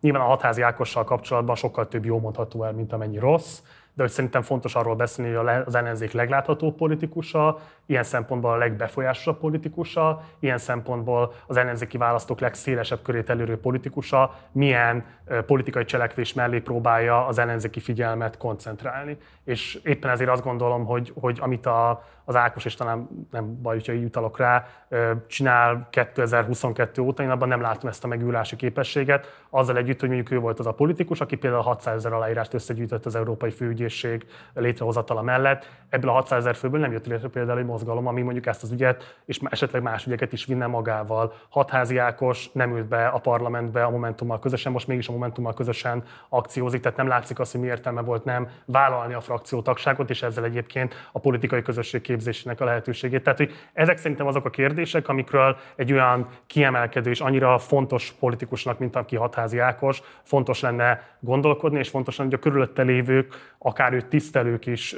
kritikusabban merjenek gondolkodni, mert szerintem ezek fontos kérdések ahhoz, hogy beszélhessünk arról, hogy, hogy milyen utak vannak egyáltalán az ellenzék előtt 2023-ban. Ez egy személyes adalék. Szerintem a mostani korszak az a legreménytelenebb az elmúlt 13 évet tekintve. Tehát nyilvánvalóan ebben van egy ilyen típusú személyes adalék is, hogy, hogy én is nyilván kutatom azt, hogy a médiának hogyan kéne változnia. Erről szólt például a, a, a válaszolnak a hatalmasok kampányuk, amit a Hernádi Zsolttal kapcsolatban indítottunk el. De ezt most csak azért mondom, mert szerintem a médiának is rengeteg olyan típusú reflexe és rossz működése van a nem Orbánista médiának, amelyek akadályai az ellenzéki képzelőrő megújulásának, de a politikának is és a politikusoknak is vannak ilyen típusú megszokásaik, amik károsak. Jó, itt akkor tisztázzuk a pozíciókat. Dani, te szintén nem olyan nagyon gyakran szoktál publicisztikákat, véleménycikkeket írni, viszont a 2022 tavaszán lezajlott a általunk rendezett hatházi Ámbor vita egyéves évfordulójára írtál egy cikket arról, hogy szerinted ennek mik a tanulságai. Igen. Volt ugye, több menetben zajlott ez a vita Jármor András és Hatházi Ákos között a 2022-es óriási ellenzéki bukta után. Azért érdekes, mert két olyan politikusról van szó, akik a saját területén, és itt most a területüket konkrétan értem, topográfiailag a területükön sikereket értek el, tehát itt a nyolcadik kerületben, kilencedik kerületben a Jámbor András azért mégiscsak Kocsis Máté birodalmában tudott győzedelmeskedni, Hatházi Ákos meg a NER egy másik szimbolikus figuráját, mert az előválasztáson Tóth Csabát győzte le, az egyébként szocialista Tóth Csabát nagy fölényel, és arról vitatkoztak, hogy hogyan tovább ellenzék, és ez ez azóta is meghatározza szerintem itt a, a, a közbeszédet ezen a nem Orbánista térfélem. Az egyik őjük véleménye Hatázi Ákosé alapvetően Hatázi Ákos alapvetően azt képviselte, hogy opponálni kell az Orbán rendszert, támadni kell, annyira kell kritizálni és annyira kell támadni, hogy ki kell kényszeríteni tulajdonképpen a, ver, a politikai verseny egyelő feltételeit, és, és valahogy meg kell állítani, valahogy meg kell akadályozni, valahogy, valahogy nem tudom, gátat kell szabni a propagandának, az Orbáni hatalomgyárnak. Ezzel szemben Jánbor András azt mondta, hogy elképesztő ellenzéki erőforrásokat zabált már ez föl, hogy ezeket az úgynevezett szimbolikus ügyeket, amik a jogállamisághoz, a sajtószabadsághoz, vagy a ö, ö, igazságosabb választási rendszerhez kötődnek, ö, feleslegesen, és ehelyett újfajta politikára van szükség, ami alapvetően arról szól, hogy képviselni kell azokat a választókat, akik beküldték ezeket a képviselőket és őket a parlamentben, az ő ügyeiket kell valahogy sikere vinni, az ő problémáikkal kell foglalkozni, és nem alapvetően nem az ellenállás a lényeg, nem az Orbán rendszer kritikája a lényeg, hanem letenni ezzel szemben egy alternatív javaslatot, ami jobb, mint a az Orbánéké. És én azt mondtam, hogy az elmúlt egy év tapasztalata az, és itt a Szikra mozgalmat vettem elő, ami Jámbor Andráshoz köthető, vagy Jámbor Andráshoz is köthető mozgalom, példáját mutattam meg, aki egy, ami egy, mégiscsak egy friss, baloldali, radikális, fiatalokból álló mozgalom, politikai formáció, hogy ők ebben az egy évben tulajdonképpen hogy tudtak bemutatkozni, hogy tudták letenni az asztalra a névjegyüket a magyar választók elé. És, és azt mondtam, hogy naivitás azt gondolni, hogy 2022-ben és 2023-ban te letehetsz az asztalra egy alternatív javaslatot, leteheted a névjegyedet, mert ezt a névjegyedet a propaganda fogja, Rogán Antal és Kocsis Máté fogja letenni, és az elmúlt egy évben az látszik, hogy ebből fél évet a Szikra mozgalom defenzívában töltött, ami mégiscsak abszurd, egy radikális baloldali mozgalomtól, hogy még a múlt héten is sajtótájékoztatót tartott Jánbor András, akit közben az Origón véres baseball ütővel ábrázolnak, Bajer Zsolt hamis képeket terjeszt róla azról kapcsolatban, hogy hogy támadta meg a rendőröket, és a Szikra mozgalom és Jánbor András négy hónapja legalább azóta, hogy volt ez a bizonyos antifasiszta támadás defenzívában van, és azt kell elmagyarázniuk a választópolgároknak, nem a saját javaslatukat kellett tenni az asztalra, hanem azt kell elmagyarázni, hogy ők nem egy erőszakos terrorszervezet, akik ártatlan magyar emberekre támadnak csapatostul és verik össze őket, és és még a múlt héten is sajtótájékoztatón kellett magyarázni, Facebook hirdetésekbe kell elmondani, hogy ők nem azok, amit állít róluk a propaganda. Tehát azt mondtam, hogy lehet nem foglalkozni ezzel az szimbolikusnak nevezett ügyel, hogy hatalomgyár, hogy propagandagépezet, de a propaganda akkor is foglalkozni fog veled, és te ebben a rendszerben nem tudod letenni a politikai névjegyedet, az ajánlatodat, mert leteszi más helyetted, és akár ez több százezer, több millió ember, aki még nem is találkozott a Szikra nevével, úgy találkozik velük először, mint egy, mint egy, mint egy erőszakos, az államrendet megdönteni kívánó szervezettel tulajdonképpen erről írtam, és arról, hogy a propaganda az nem önmagában arról, abból áll, hogy, hogy a hatalom a saját narratíváját, a saját üzeneteit bárhova el tudja juttatni, és minek be tud lőni és targetálni. Ez most már arról szól, hogy ha kell hozzá egy bizonyíték, ha ezt alá kell támasztani, akkor két hétre beviszik az aktivistádat. Ez arról szól, hogyha, egy, hogyha kell, akkor a kommentelőnél megjelenik a rendőrség, és beviszik a kommentelőt a rendőrségre. ez arról, e, e, a hatalomgyár és a propaganda az az elnyomásról szól, az nem arról, nem csupán a nyilvánosságról, meg a nyilvánosság szerkezetéről. És nem tudom még hány aktivistát, meg szimpatizást kell elvinni ahhoz, hogy észrevegyük, hogy ez, hogy ez nem az elit ügye. Ha jól tudom, akit bevittek, nem az, ez elit része, talán egy varrónőről van szó, aki, aki aktivista volt, és, és őt nem csak azt kell elviselnie, hogy két hétig bent van a, a, a rendőrségen, ennél sokkal súlyosabb támadás érte őt és a közösségét. Szóval, hogy én ezt azt mondtam, hogy ezt nem lehet figyelmen kívül hagyni, és, és még egy utolsó gondolat ezzel kapcsolatban, hogy, hogy egy picit azt is érzem a két narratíva közötti különbségnek, hogy mi a, mit jelölünk meg célnak. Azt jelöljük-e meg célnak ellenzékiként, hogy én leváltani, leváltani akarom az Orbán rendszert, vagy elfogadom az Orbán rendszer adta játékszabályokat, és megteszem, amit megtehetek a választóimért, és javítok rajta valamit. És ez a két cél, ez nagyon-nagyon különböző. De szerintem a kettő cél létezhet egyszerre is akár. Tehát a, kettő, a, kettő, tehát az első, a másodikból következhet az első például. Tehát szerintem az, az három dolgot akarok mondani, bocs, gyorsan. Az első az az, hogy, hogy az, hogy egy fiatal politikai közösség megrettem mondjuk egy ilyen típusú támadásától a hatalomnak, én ezzel kapcsolatban megértő vagyok, és nem csak azért, mert nyilván szimpatizálok a szikra mozgalommal, hanem azért is, mert el tudom képzelni azt a saját tapasztalatomból kiindulva is, a 2010-es évek legelején, amikor elkezdtem aktivistáskodni, sokkal kevésbé volt ilyen kegyetlen a média környezete a kormánynak, mint amilyen most, és akkor is mennyire meg voltunk rettenve attól, amikor egyszer-egyszer így nekünk támadt. Azt megtanulja az ember idővel, hogy igen, ennek egyetlen egy célja van, hogy pszichésen szétcsesszen téged, és a környezetedben elhintse a gyanakvások a magvait. Erre nyilvánvalóan alkalmas volt ez a kampány. Ettől nyilván nagyon nehéz függetleníteni magadat, és nyilván az, a, az lesz a nagy szűrő, hogy ezt vagy megtanulja a szikra kezelni, és megtanul ezzel szemben adekvát módon föllépni, vagy pedig szükségszerűen szét fog hullani, mert sajnos ebben a rendszerben ilyen politikai nyomásokkal kell dolgozni. Én ebben még adnék nekik időt, hogy ebbe esetleg fölszedjék az izomzatot, meg talán egy kicsit, hogy mondjam én,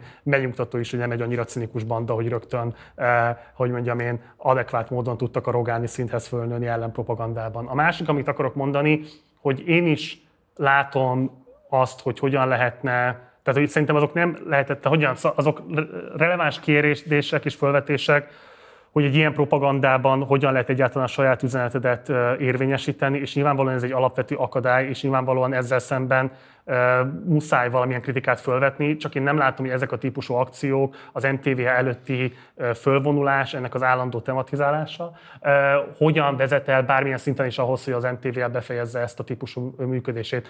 Én azt látom ebből, hogy egyetlen egy dolog történik, hogy mint egy ilyen lángot őrzi ez a kis kör, hogy igenis van még akarat arra, hogy legyen propagandisztikus közmédia Magyarországon, meg hogy a propagandának ez a mértéke, ez ne legyen ilyen szinten, beborít, ne, ne borítsa be ilyen szinten az országot, de nem látom, hogy megváltoztatása hogy lehet, hogyan, tehát hogy olyan történet ezzel bármi. Most mondok egy nagyon konkrét példát, szerintem azt, hogy a Facebookot hogyan tudta pénzzel érdekeltíteni a kormányzat abban, hogy mossa az emberek agyát tömegesen, ez például egy olyan ügy, amit föl kellett volna sokkal jobban építeni a nemzetközi nyilvánosságban, és mondjuk ott például látom a nyomásgyakorlásnak a lehetőségét, hogy esetleg a Facebooknak kínossá válik a befektetői előtt, vagy bármilyen más politikai kör előtt, hogy ők egyébként ilyen szinten ássák alá a demokratikus értékeket. Ott inkább látom, mint a köztévénél, de ez nyilván politikai értékválasztás kérdése is, vagy politikai stratégiai értékválasztás kérdése is. A harmadik pedig az, hogy, hogy szerintem igenis kell becsülni az ügyek mentén történő kiállást is, ugyanígy a Debreceni akkumulátorgyár esetében, ugyanígy például mondjuk a, a, a, a mérőórás,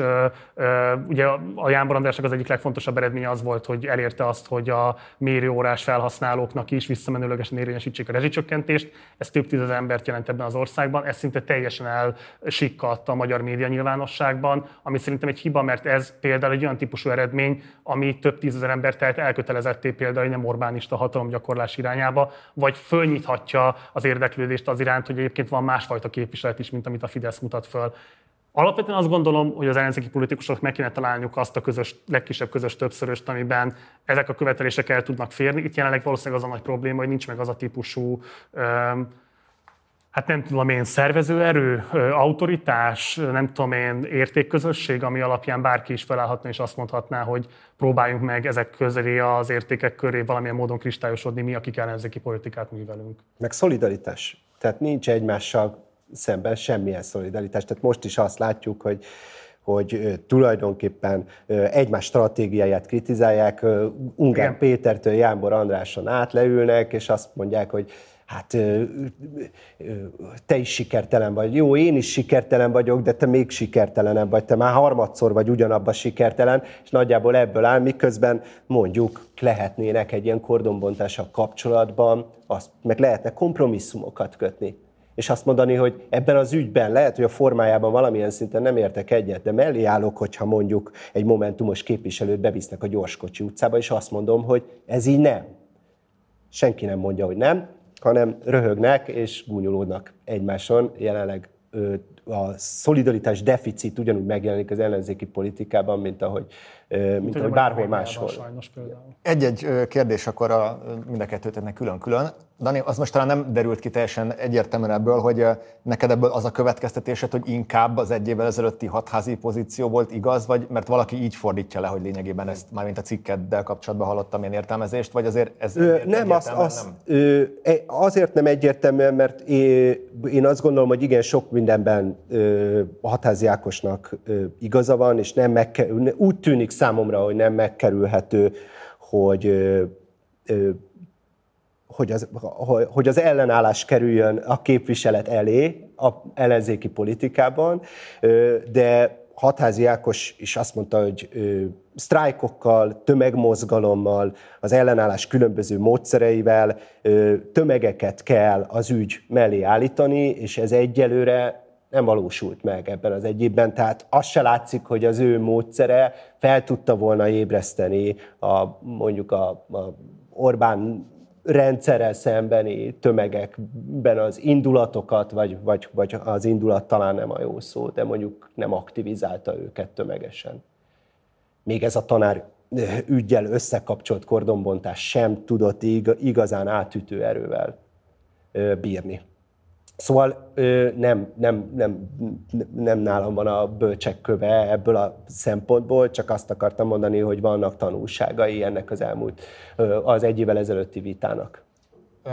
Pedig az lenne a kérdésem, hogy akkor, amit általánosságban úgy fogalmazol, te is mondjuk, hogy ezek szimbolikus ügyek, vagy gesztuspolitizálás, vagy, vagy az elitügye, hogy mondjuk konkrétan arra a történetre, ami a szikra, ezzel a szikra aktivistával történt, ezt egy szimbolikus elit ügynek tartod?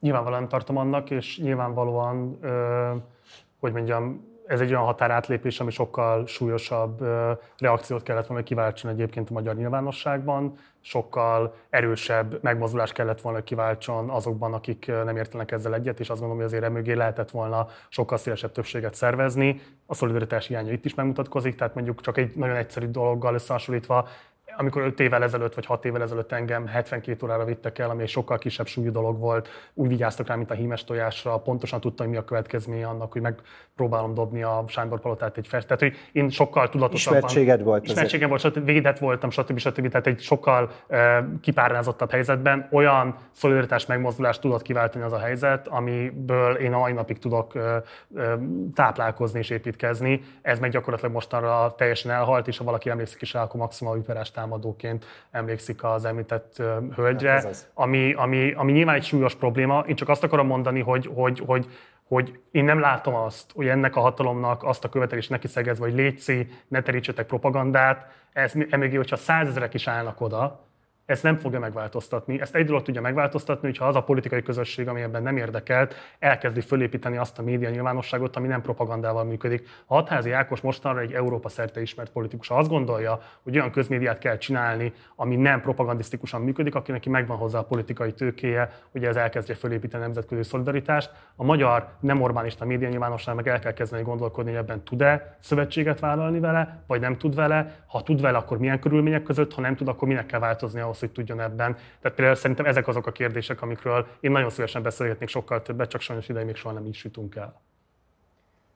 Jöjjön a... Azt mondtad, hogy megérkeztek a vendégek? Megérkeztek a vendégek, igen, szóltak a fülemre, bocsánat, szóval akkor mondanám akkor is. Akkor jöjjön a fő, a főzenekar. Igen, tehát jöjjön egy rövid összeállítás, és aztán következik itt a stúdióban Hatházi Ákos és Jánbor András.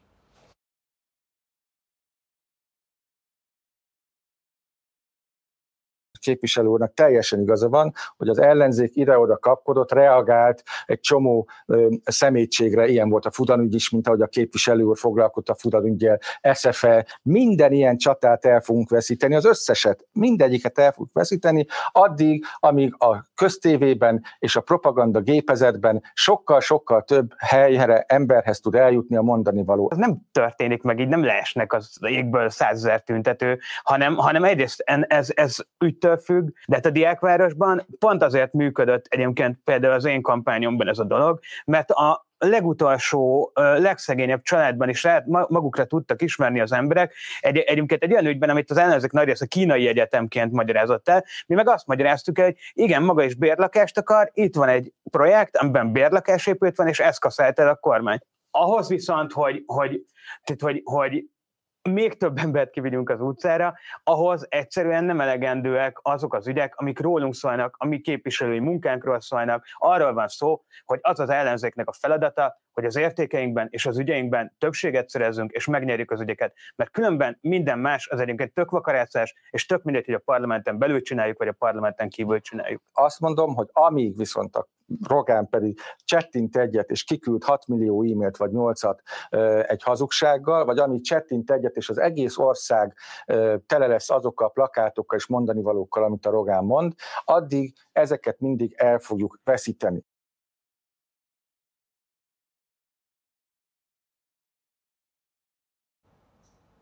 És akkor itt vannak újra a résztvevők egy évvel később. Szerintem most az, arról ne is ismételjük át az akkori vitát. Egyébként érdemes megnézni mindenkinek a 444 YouTube csatornáján, mert egy ilyen érdekes kordokumentum, hogy néhány héttel a 22-es választás után milyen lelki állapotban voltak az ellenzéki képviselők. Az lenne a kérdésem, hogy ki érzi úgy, hogy azóta ahhoz képest árnyalódott az álláspontja, és ki érzi inkább azt, hogy, hogy megerősödött abban, amit ott mondott. Ki kezdje? Kezdem én. Nekem egyébként sok mindenben árnyalódott az álláspontom, tehát a, a, mondjuk a parlament hasznosságában még kevésbé hiszek, bár akkor arról beszéltem, hogy minden időmet a parlamentben fogok tölteni. Most ugye kb. három hetente mondok egy felszólalást, az egy jó előre, jó előre kiválasztott témában, megpróbálom megkoreografálni úgy, hogy, hogy annak utána legyen valami impaktja, hatása, és, és úgy veszek részt, illetve még a törvényalkotási bizottságban ülök, mert ott néha ki lehet szedni egy-egy olyan mondatot, ami, ami érdekes lehet, de hogy igazából szerintem akkor is ezt mondtam, de hogy, hogy még inkább azt gondolom, hogy ez egy, ez egy médiaeszköz igazából az, hogy a parlamentben ott van az ember, és két dologra jó, egyrészt, hogy a nyilvánosságba bekerülni, másrészt pedig, hogy visszatükrözni a választóknak az, hogy velük foglalkozva van, az ő ügyük az, az valamilyen módon, valami intézményben, amit ők, amiben ők hisznek, vagy amit fontosnak tartanak, az terítékre terül. De egy dologra még reagálnék, amit a felvezetőben volt, azt mondtad, Dani, hogy, hogy hát itt mi röhögünk a, a hatházin, nincsen szolidaritás, stb. Miért nem voltunk ott, amikor a Gelencsér... Az, el, vagy az a... ellenzékre általában Hát engem meg az Unger Pétert mondta, én az Unger Péter nevében nem fogok beszélni, több okból sem, de hogy, hogy én amellett, hogy egyébként azzal, hogy a kordonbontás mint eszköz az oké, okay, de hogy milyen célral van ez csinálva, az én nem teljesen értek egyet. Attól függetlenül én például ott voltam a, a várban, amikor erről volt szó, ott voltam az Ákossal az MTV-es tüntetésen, és pontosan azért, mert nem tudom, hogy az a stratégia, ami az enyém, az száz százalékban jó-e. És lehet, hogy az, amit az Ákos csinál, abban van a bölcsek köve, és hogy nekem meg ellenzéki képviselőként ezeket a megmozdulásokat támogatnom kell, legyenek, csinálják azt a tanárok, csinálják azt más parlamenti képviselők, stb. Tehát, hogy, hogy szerintem létezik ez a, ez a szolidaritás egyébként valójában. Nem tudom, hogy mindenkinél létezik az ellenzékben, de hogy én ezt például fontos dolognak tartom, és innen is üzenem egyébként mindenkinek, hogy, hogy parlamenti képviselőtársaimnak is, hogy szerintem ez alapján kell viselkedni.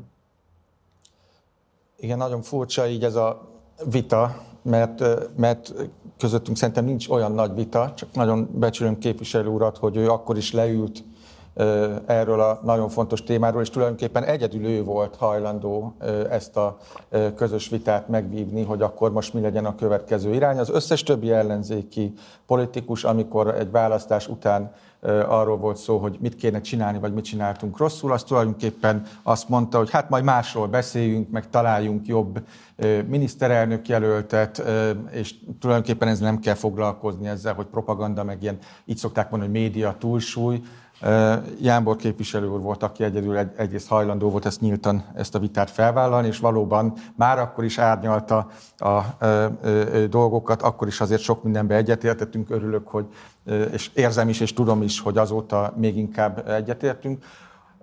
Hogyha a, a, a kérdésre válaszolva pedig én nem érzem úgy, hogy azóta változni kellett volna az akkori véleményemnek, sőt, tehát az, amiket az elmúlt héten látunk, vagy az elmúlt hetekben látunk a Karmelita Kolostor előtt is, az, az csak alátámasztja azt, amiről beszéltem. Arról beszéltem, hogy ez a hatalom, ezt hogyha nem állítjuk meg egy bizonyos határkőnél, akkor ez mindig csak egy irányba tud menni. És ez a hatalom, ez kénytelen mindig a demokráciával, a diktatúra fele előre, előre, előre menni. És hogyha nem ö, ö, húzunk ezzel egy falat, kerítést, kordont, akkor mindig csak ezeket a vonalakat fogja átlépni. Tehát, hogyha csak vörös vonalak vannak, akkor a vonalakat fogja átlépni. Én is hallgattam itt ezt a nagyon tanulságos, meg fontos beszélgetést, amit beszéltetek és akkor inkább én is mondhatlak Marcinak, hogy te is Ákosnak mondtad, köszönöm olyan a kapcsolat. Két felvetés, amivel, amivel, amivel egyetértek inkább. Nem azt keressük, amiben nem értünk egyet, amivel egyetértek. Nyilvánvalóan a szervezés az fontos. Tehát az, hogy az ellenzék megszervezze magát, az fontos. A kritikaként jött, hogy én ezt nem csinálom, ez nem igaz, hogy nem csinálom, az igaz, hogy ezt csak úgy szabad csinálni, hogy az jó legyen, és akkor kell ezt nyilvánosság elé vinni ezeket a folyamatokat, amikor már van értelme. Akkor van értelme valamilyen zászlókat lengetni, hogyha ott már nem az egyedül van az ember. Én úgy érzem, hogy nem egyedül vagyok, de ez egy, ez egy jogos kérdés. A másik felvetés, és viszont nagyon fontos volt, hogy nemzetközi téren, nemzetközi téren is fel kell hívni dolgokra a figyelmet. Az egyik egyébként ez a, valóban a Facebook és a közösségi médiának a, a felelőssége. Egyébként én információim szerint ebben az Európai Unióban vannak előre lépések, készül erre szabályozás, valóban nem csak a közmédiáról van szó.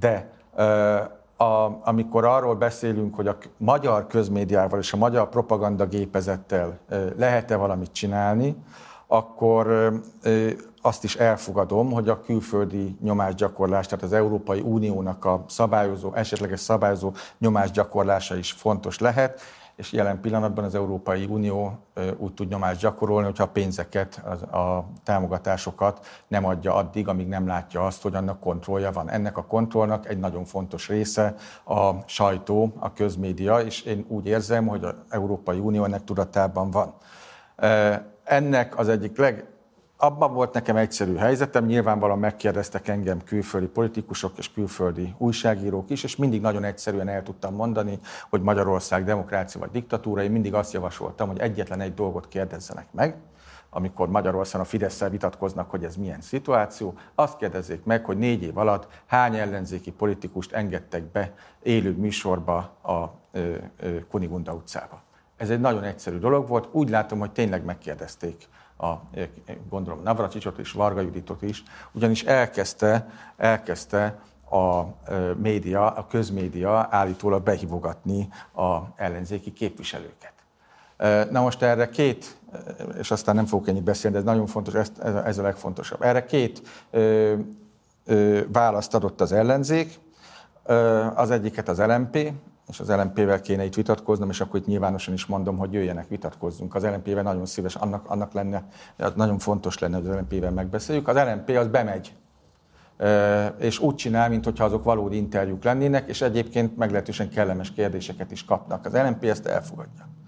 A ellenzék nagyobb része az, az, amikor hívják állítólag, engem nem hívtak, tehát ott voltam egy hétig, és kint videóztak napokon keresztül engem, de nem hívtak be és nem kérdeztek meg.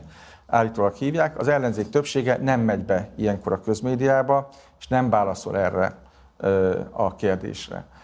Pedig két dolgot tehetne, bemehetne minden ilyen meghíváskor, annak tudatában, hogy az nem egy valódi interjú lesz, nem fogják hagyni beszélni, ha véletlenül fontos dolgot mond, bele fognak vágni, másról fognak beszélni, de ő bemehetne felkészülve, és minden alkalommal beszélhetne arról, hogy például mi marad ki a tegnapi híradóban? Mi volt az a fontos dolog, amiről nem beszéltek? Ez fel lehetne erre készülni, bevihetni a 60 pusztának a képét, bevihetne ö, szociális problémákat, mindenről beszélhetne. De megmondhatná azt is, hogy nem megyek be addig, amíg az az igazgató marad, aki korábban négy évig egyetlen egyszer sem hagyta bent az ellenzéket. Egy dolgot nem tehet, egy dolgot nem szabadna megtenni, eljátszani azt, hogy itt most már kézmédia van. Az LMP megteszi, az LMP bemegy, azt mondja, hogy jaj, de jó.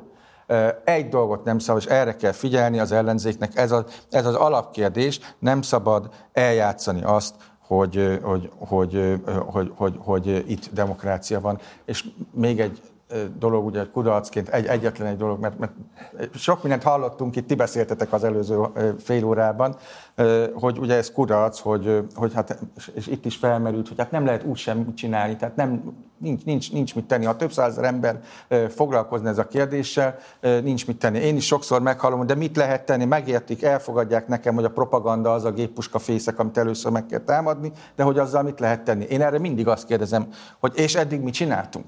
Mit tettünk ellene? Tehát azon kívül, hogy néhány ember eljött hozzám a sátorba, és utána néhány ezer ember elment tüntetni, és 2019-ben ott néhányszor egy éjszakát bementünk, és utána kimentünk. Mit tettünk ilyet? Gyakorlatilag sehol nem vagyunk még ettől. Sehol nem vagyunk. Az, hogy eddig ezt nem tettük meg, én ezt nem azt vonom le és vissza a kérdéshez, tehát nem azt a következtetést vonom le, hogy, hogy nem volt ebben igazam. Azt a következtetést vonom le, hogy nem sikerült még valóban mobilizálni annyi embert, nem sikerült tömegekkel megérteni, hogy ezzel a hatalommal igenis lehet eredményt elérni. Bocsánat, hogy ilyen sokat, ne haragudj, majd most engedlek tovább.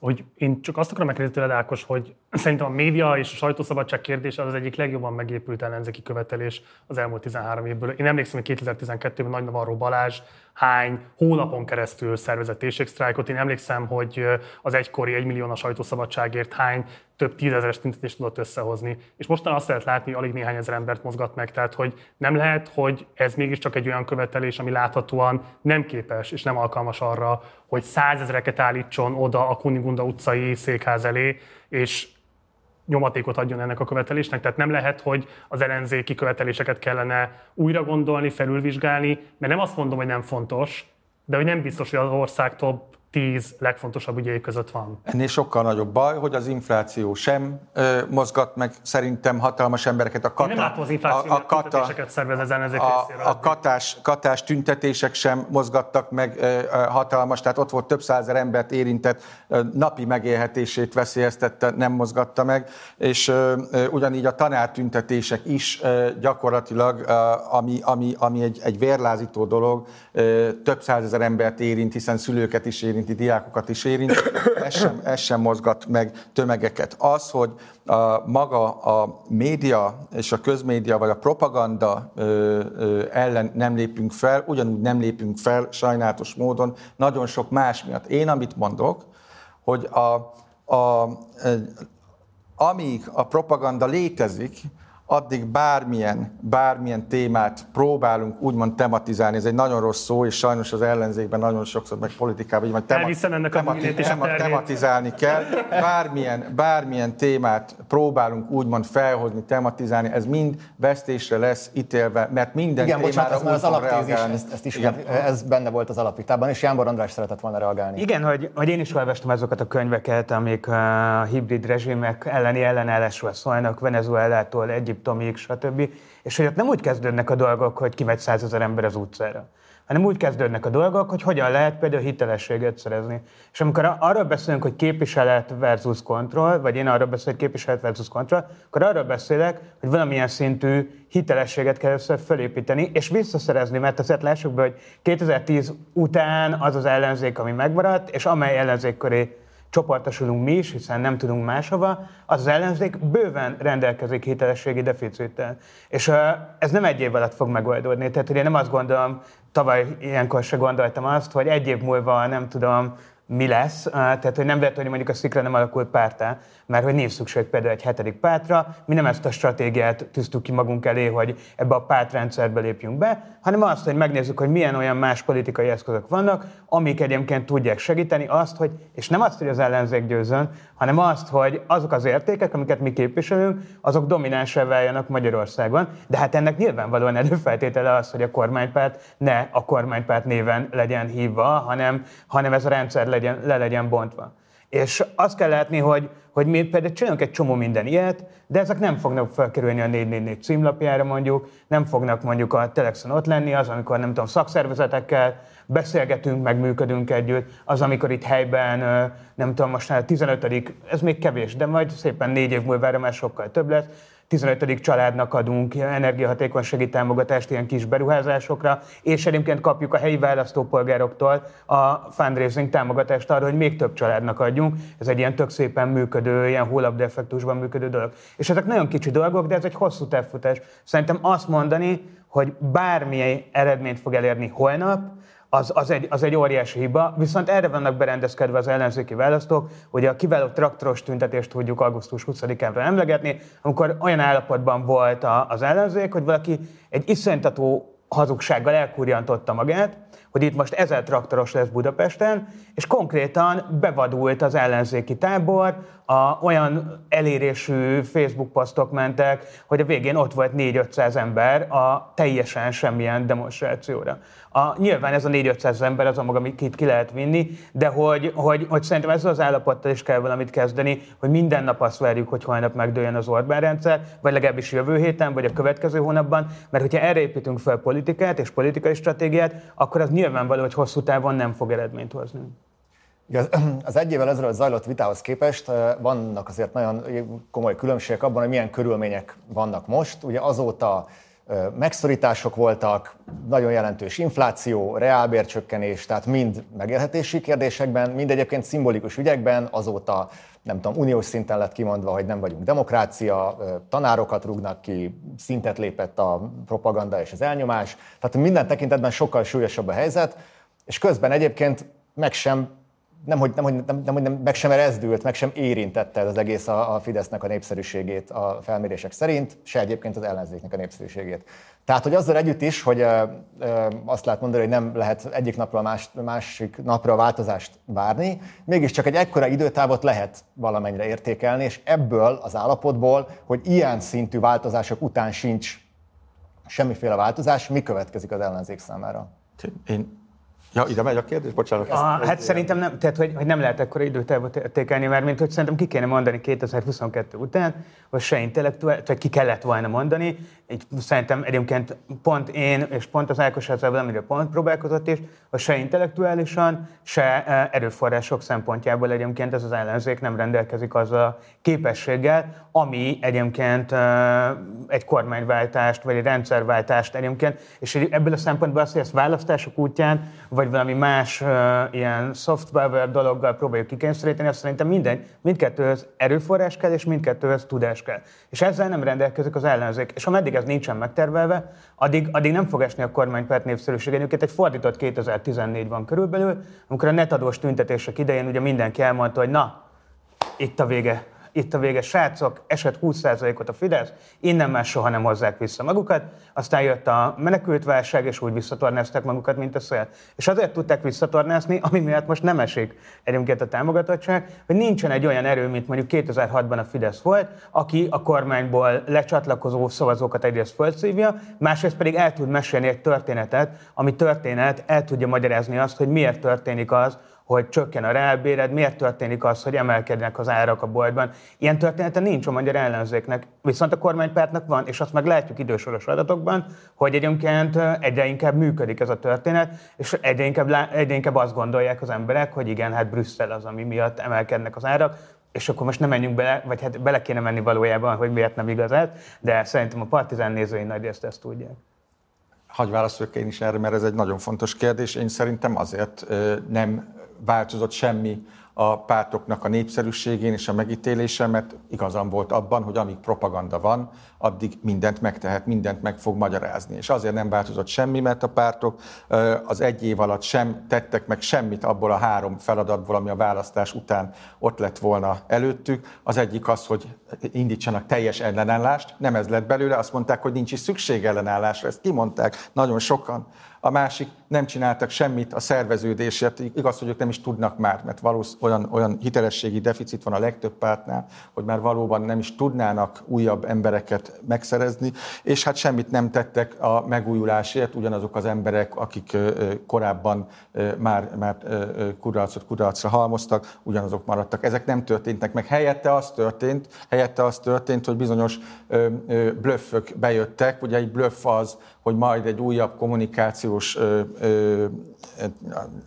ö, trükkel, nem tudom én, árnyékkormány, vagy majd egy jobb miniszterelnökkel, tulajdonképpen semmi más dolgunk nincs, mint megint várjunk három évet, és nekünk olyan jó a miniszterelnök jelöltünk, és olyan jó ö, árnyékkormányunk van, hogy ilyen körülmények között is ő majd simán bemegy, reményt mond, ennél nagyobb, ennél veszélyesebb dolog nincs, tehát a reménytelenség is szörnyű dolog, de amikor hiú reményeket keltünk, és azt mondjuk, hogy emberek, nyugi, itt van nekem jó ember, emberem van, várjátok ki a három évet, majd akkor szavaztok, és akkor majd lesz nagy fizetés. Hát ez nem így van. Ehhez tömegek kellenek. Az, én is nagyon sokat én sajnos ilyen tépelődő típus vagyok, és fölteszem magamnak a kérdést, hogy hogy nem sikerült eddig úgymond mobilizálni, és emellé a szerintem legfontosabb téma mellé elérni azt, hogy emberek tízezrei, százezrei segítsenek ennek, a, ennek a propaganda gépezetnek a legyőzésében. Van egy önfelmentésem, az oroszok már rég túl vannak az, ennek az útnak, ugye a demokráciával, a diktatúrába vezető útnak, ők már a legvégén vannak, tehát ők eljutottak odáig, amikor már nincsen ilyen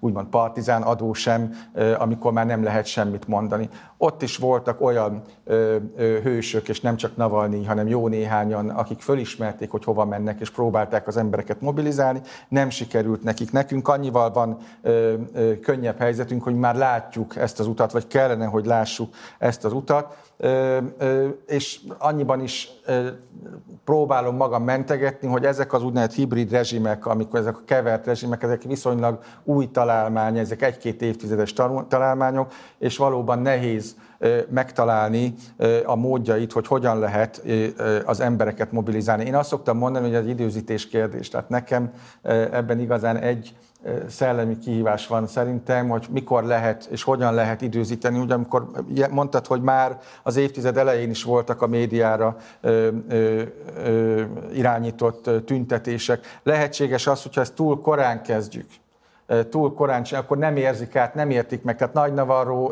nagyon hatalmas, nagyon szép kiállás volt, hogy az első hírhamisításnál már látta, hogy hova fog ez kimenni, és akkor kiültek, és akkor ott voltak felváltva ugyan, de egy év vagy évekig a, a Kunigunda utca előtt, de még azt nem lehetett látni, hogy ez hova fut ki. És az is igaz, hogy amikor már túl későn vagyunk, túl későn, akkor pedig már lehetséges, hogy annyira benne van az emberekben ez a engem, akkor én éljek túl, és én inkább alá, alámerülök, és benne van az a ö, ö, tévedés, és ez egy hatalmas tévedés, hogy ezzel a hatalommal szemben már nem lehet fellépni, hogy akkor már nehéz emellett. Én nekem, ami a tényleg a legnagyobb kérdés, hogy meg lehet-e értetni az emberekkel, hogy ezt a hatalmat igenis le lehet győzni. Ezért jön most a bosszú törvény, ezért volt a tanároknak a kirúgása, az a 8-10, sokan nem értették, hogy miért jó ez a kormánynak. Azért jó, mert ő neki meg az az érdeke, hogy azt hitesse el az emberekkel, hogy semmilyen kompromisszumra ő nem hajlandó, hogy őt nem lehet legyőzni. Ahogy van egy kis repedés, ahogy bármit el lehet érni a, a, a hatalommal szemben, akkor a hatalom nagyon jól tudja, hogy akkor jöhet a következő, és akkor már ö, ö, igenis, hogy el lehet foglalni ezt a géppuskafészket, és amikor megvannak a választásoknak az igazi feltételei, akkor pedig választásokon le lehet győzni majd egy jó miniszterelnökkel, egy jó árnyékkormányjal bármit ezt a kormányt. Nekem egyetlen záró kérdésem van, csak hogyha nektek nincsen más kérdés. Itt csak egy dolog eszembe jutott, hogy nagyon érdekes vita van azra a kapcsolatban, hogy Karácsony Gergely hogy vezeti Budapestet, és ott milyen ellenzéki stratégiát, csak hogy ez ide passzol. Nem tudom, hogy erről önöknek, nektek mi, mi a véleményetek, hogy azt hiszem Gyurcsány úgy fogalmazott, hogy az ellenállás vagy a szabadság központjának kéne ö, ö, valahogy az, azzá kéne varázsolni Budapestet, és arról kéne szólni, a karácsony meg azt mondja, hogy nem, jól kell politizálni, valahogy életben kell tartani ezt a várost, és ezzel tudjuk megmutatni, hogy ez a jó politika, és ezt a stratégiát kell követnünk, és hogy, hogy ebben a vitában kinek lehet igaza? A korábbi miniszterelnöknek szerintem ebben igaza van, az kérdés, hogy a igazságnak az jót tesz hogy ő mondja, az egy másik kérdés. A, én a, amikor... Hát, hogy Karácsony Gergely nem, nem jó ellenzéki stratégiát választott. Én azt gondolom, hogy a főváros nak be kellett, vagy a fővárosi vezetésnek, és nem feltétlenül a főpolgármester úrra, hiszen ez egy demokratikus vezetés, az elejétől kezdve kellett volna látnia, hogy hogy teljesen fölösleges abban reménykedni, hogyha ők bármilyen kompromisszumot megkötnek, akkor majd úgymond kegyes lesz vele a, a hatalom. Tehát lehetett látni, hogyha a Fidesz azt látja, hogy a fővárosban marad az ellenzéki többség, és azt méri, és úgy tudom, hogy ezek a mérések megvannak, akkor mindent meg fog tenni azért, hogy tönkretegye a fővárost. Én az elején például nem hoztam volna meg azt a kompromisszumot, hogy megengedem a 250 milliárdos atlétikai VB-t, és akkor majd kapok elvileg valami könyöradományként olyan egészségügyi fejlesztéseket, amiket egyébként amúgy is meg kellett volna csinálni, meg amire ezek szerint amúgy is van pénz, és amiket meg a végén mégsem kapott meg a főváros. Tehát ezt én azt gondolom, hogy lehetett volna máshogy csinálni, illetve lehetett volna a fővárosban bizonyos érdekcsoportokkal szemben Fideszes és ellenzéket is áthálózó gazdasági érdekcsoportokkal szemben erélyesebben fellépni. Ezzel együtt én nem látom nagyon egyszerűnek Karácsony Gergely helyzetét, és egyébként elég szépen lavírozott ő ezzel a városban. Hát ahhoz, hogy ez az állítás most meg legyen épülve, és ez Budapesten, sőt Budapesten kívül is meg van épülve, hogy, hogy itt a kormányzat üti a főváros fejét, ahhoz először egyébként oda kellett gyalogolni a kormányzathoz, és kedvesen meg kellett próbálni velük együttműködni, hogy miután ezután a kormányzat rákoppint a főváros fejére, abból, abból alakuljon ki az a látszat, hogy itt egyébként, hogy itt egyébként egy nagyon durva támadás van a fővárosán. Hogyha a Karácsony Gergely elejétől fogva hátkorba be lehet volna Orbán Viktorba, akkor ez a látszat most nem alakulna ki. Tehát, hogy itt azért a stratégia ez nem olyan, nem olyan dolog szerintem, hogy így hát megyünk előre, azt jól van, hanem, hanem vannak bizonyos dolgok, amiket, amiket érdemes előre beszámolni. És most azért el Karácsony Gergely egyébként olyan jól, amennyire a medián felmérésében láthatjuk, meg én úgy tudom a kormányzati felmérésekben is nagy, nagyjából ezt lehetni, azért, mert hogy, mert hogy megépült az a dolog, hogy itt, itt valójában a kormányzat veszel pénzt a fővárostól, ami az igazság is, és ebben a helyzetben egyébként gyakorlatilag most úgy állunk egy évvel a választások előtt, aztán hogy meglátjuk, hogy mi lesz, hogy nincsen jelöltje a Fidesznek, mert nincs senki, akit el, el tud indítani úgy Karácsony Gergelyel szemben, hogy lenne esélyük nyerni. Ebből a szempontból ez biztos egy jó stratégia, a, vagy legalábbis úgy tűnik, ezt majd jövőre a választásokon megmérjük, hogy ez biztosan jó stratégia. Az a kérdés egyébként, hogy Budapesten kívül vannak az országnak más része is. És hogy ha, ha valójában jól akarjuk vezetni a fővárost, ahhoz tényleg kellenek ezek a pénzek, mert hogy, hogy tök jó lenne, hogyha mondjuk több útfelújítás lenne, hogyha nagyobb köztisztaság lenne, és folytathatnánk a sort. Ehhez viszont nem biztos, hogy jó ez a stratégia, de én nagyon messze vagyok attól, hogy ezen gondolkozzak minden nap, úgyhogy nem tudom ezt így összerakni. Nem érheti az a vád ezt a mostani műsort, hogy a képviselők ne kaptak volna megfelelő időtartamot arra, hogy a gondolataikat, de a Gergőnek van még egy záró kérdés, és nem érezném jól magamat, hogyha vendéglátóként nem tenném lehetővé, hogy föltegye ezt a kérdését, viszont ezért tőletek azt kérem, hogy szigorúan három mondatban válaszoljatok a kérdésre, és le fogom zárni az időtöket, hogyha az letelt. Gergő, tiéd a záró kérdés. Köszönöm a lehetőséget. Azért éreztem ezt fontosnak, mert ez viszont egy olyan kérdés, ami nem egy elvont politikai dolog, hanem kifejezetten a partizán nézőit elsődleges szinten érintheti és érdekelheti. Tehát most ezekben a hetekben lehetnek olyan emberek, fiatalok, akár tagok körülöttetek szervezetekben, akár egyszerűen csak szimpatizánsok, követők, akik tüntetéseken fognak részt venni, akciókon lesznek ott, stb. Részben a ti nem is akár hívásatokra, akár inspirálásatokra, ti mit mondotok nekik azzal kapcsolatban, hogy egyrészt milyen személyes kockázatokat vállalnak most, másrészt, hogy mi az, ami belefér ilyenkor, és mi az, ami nem?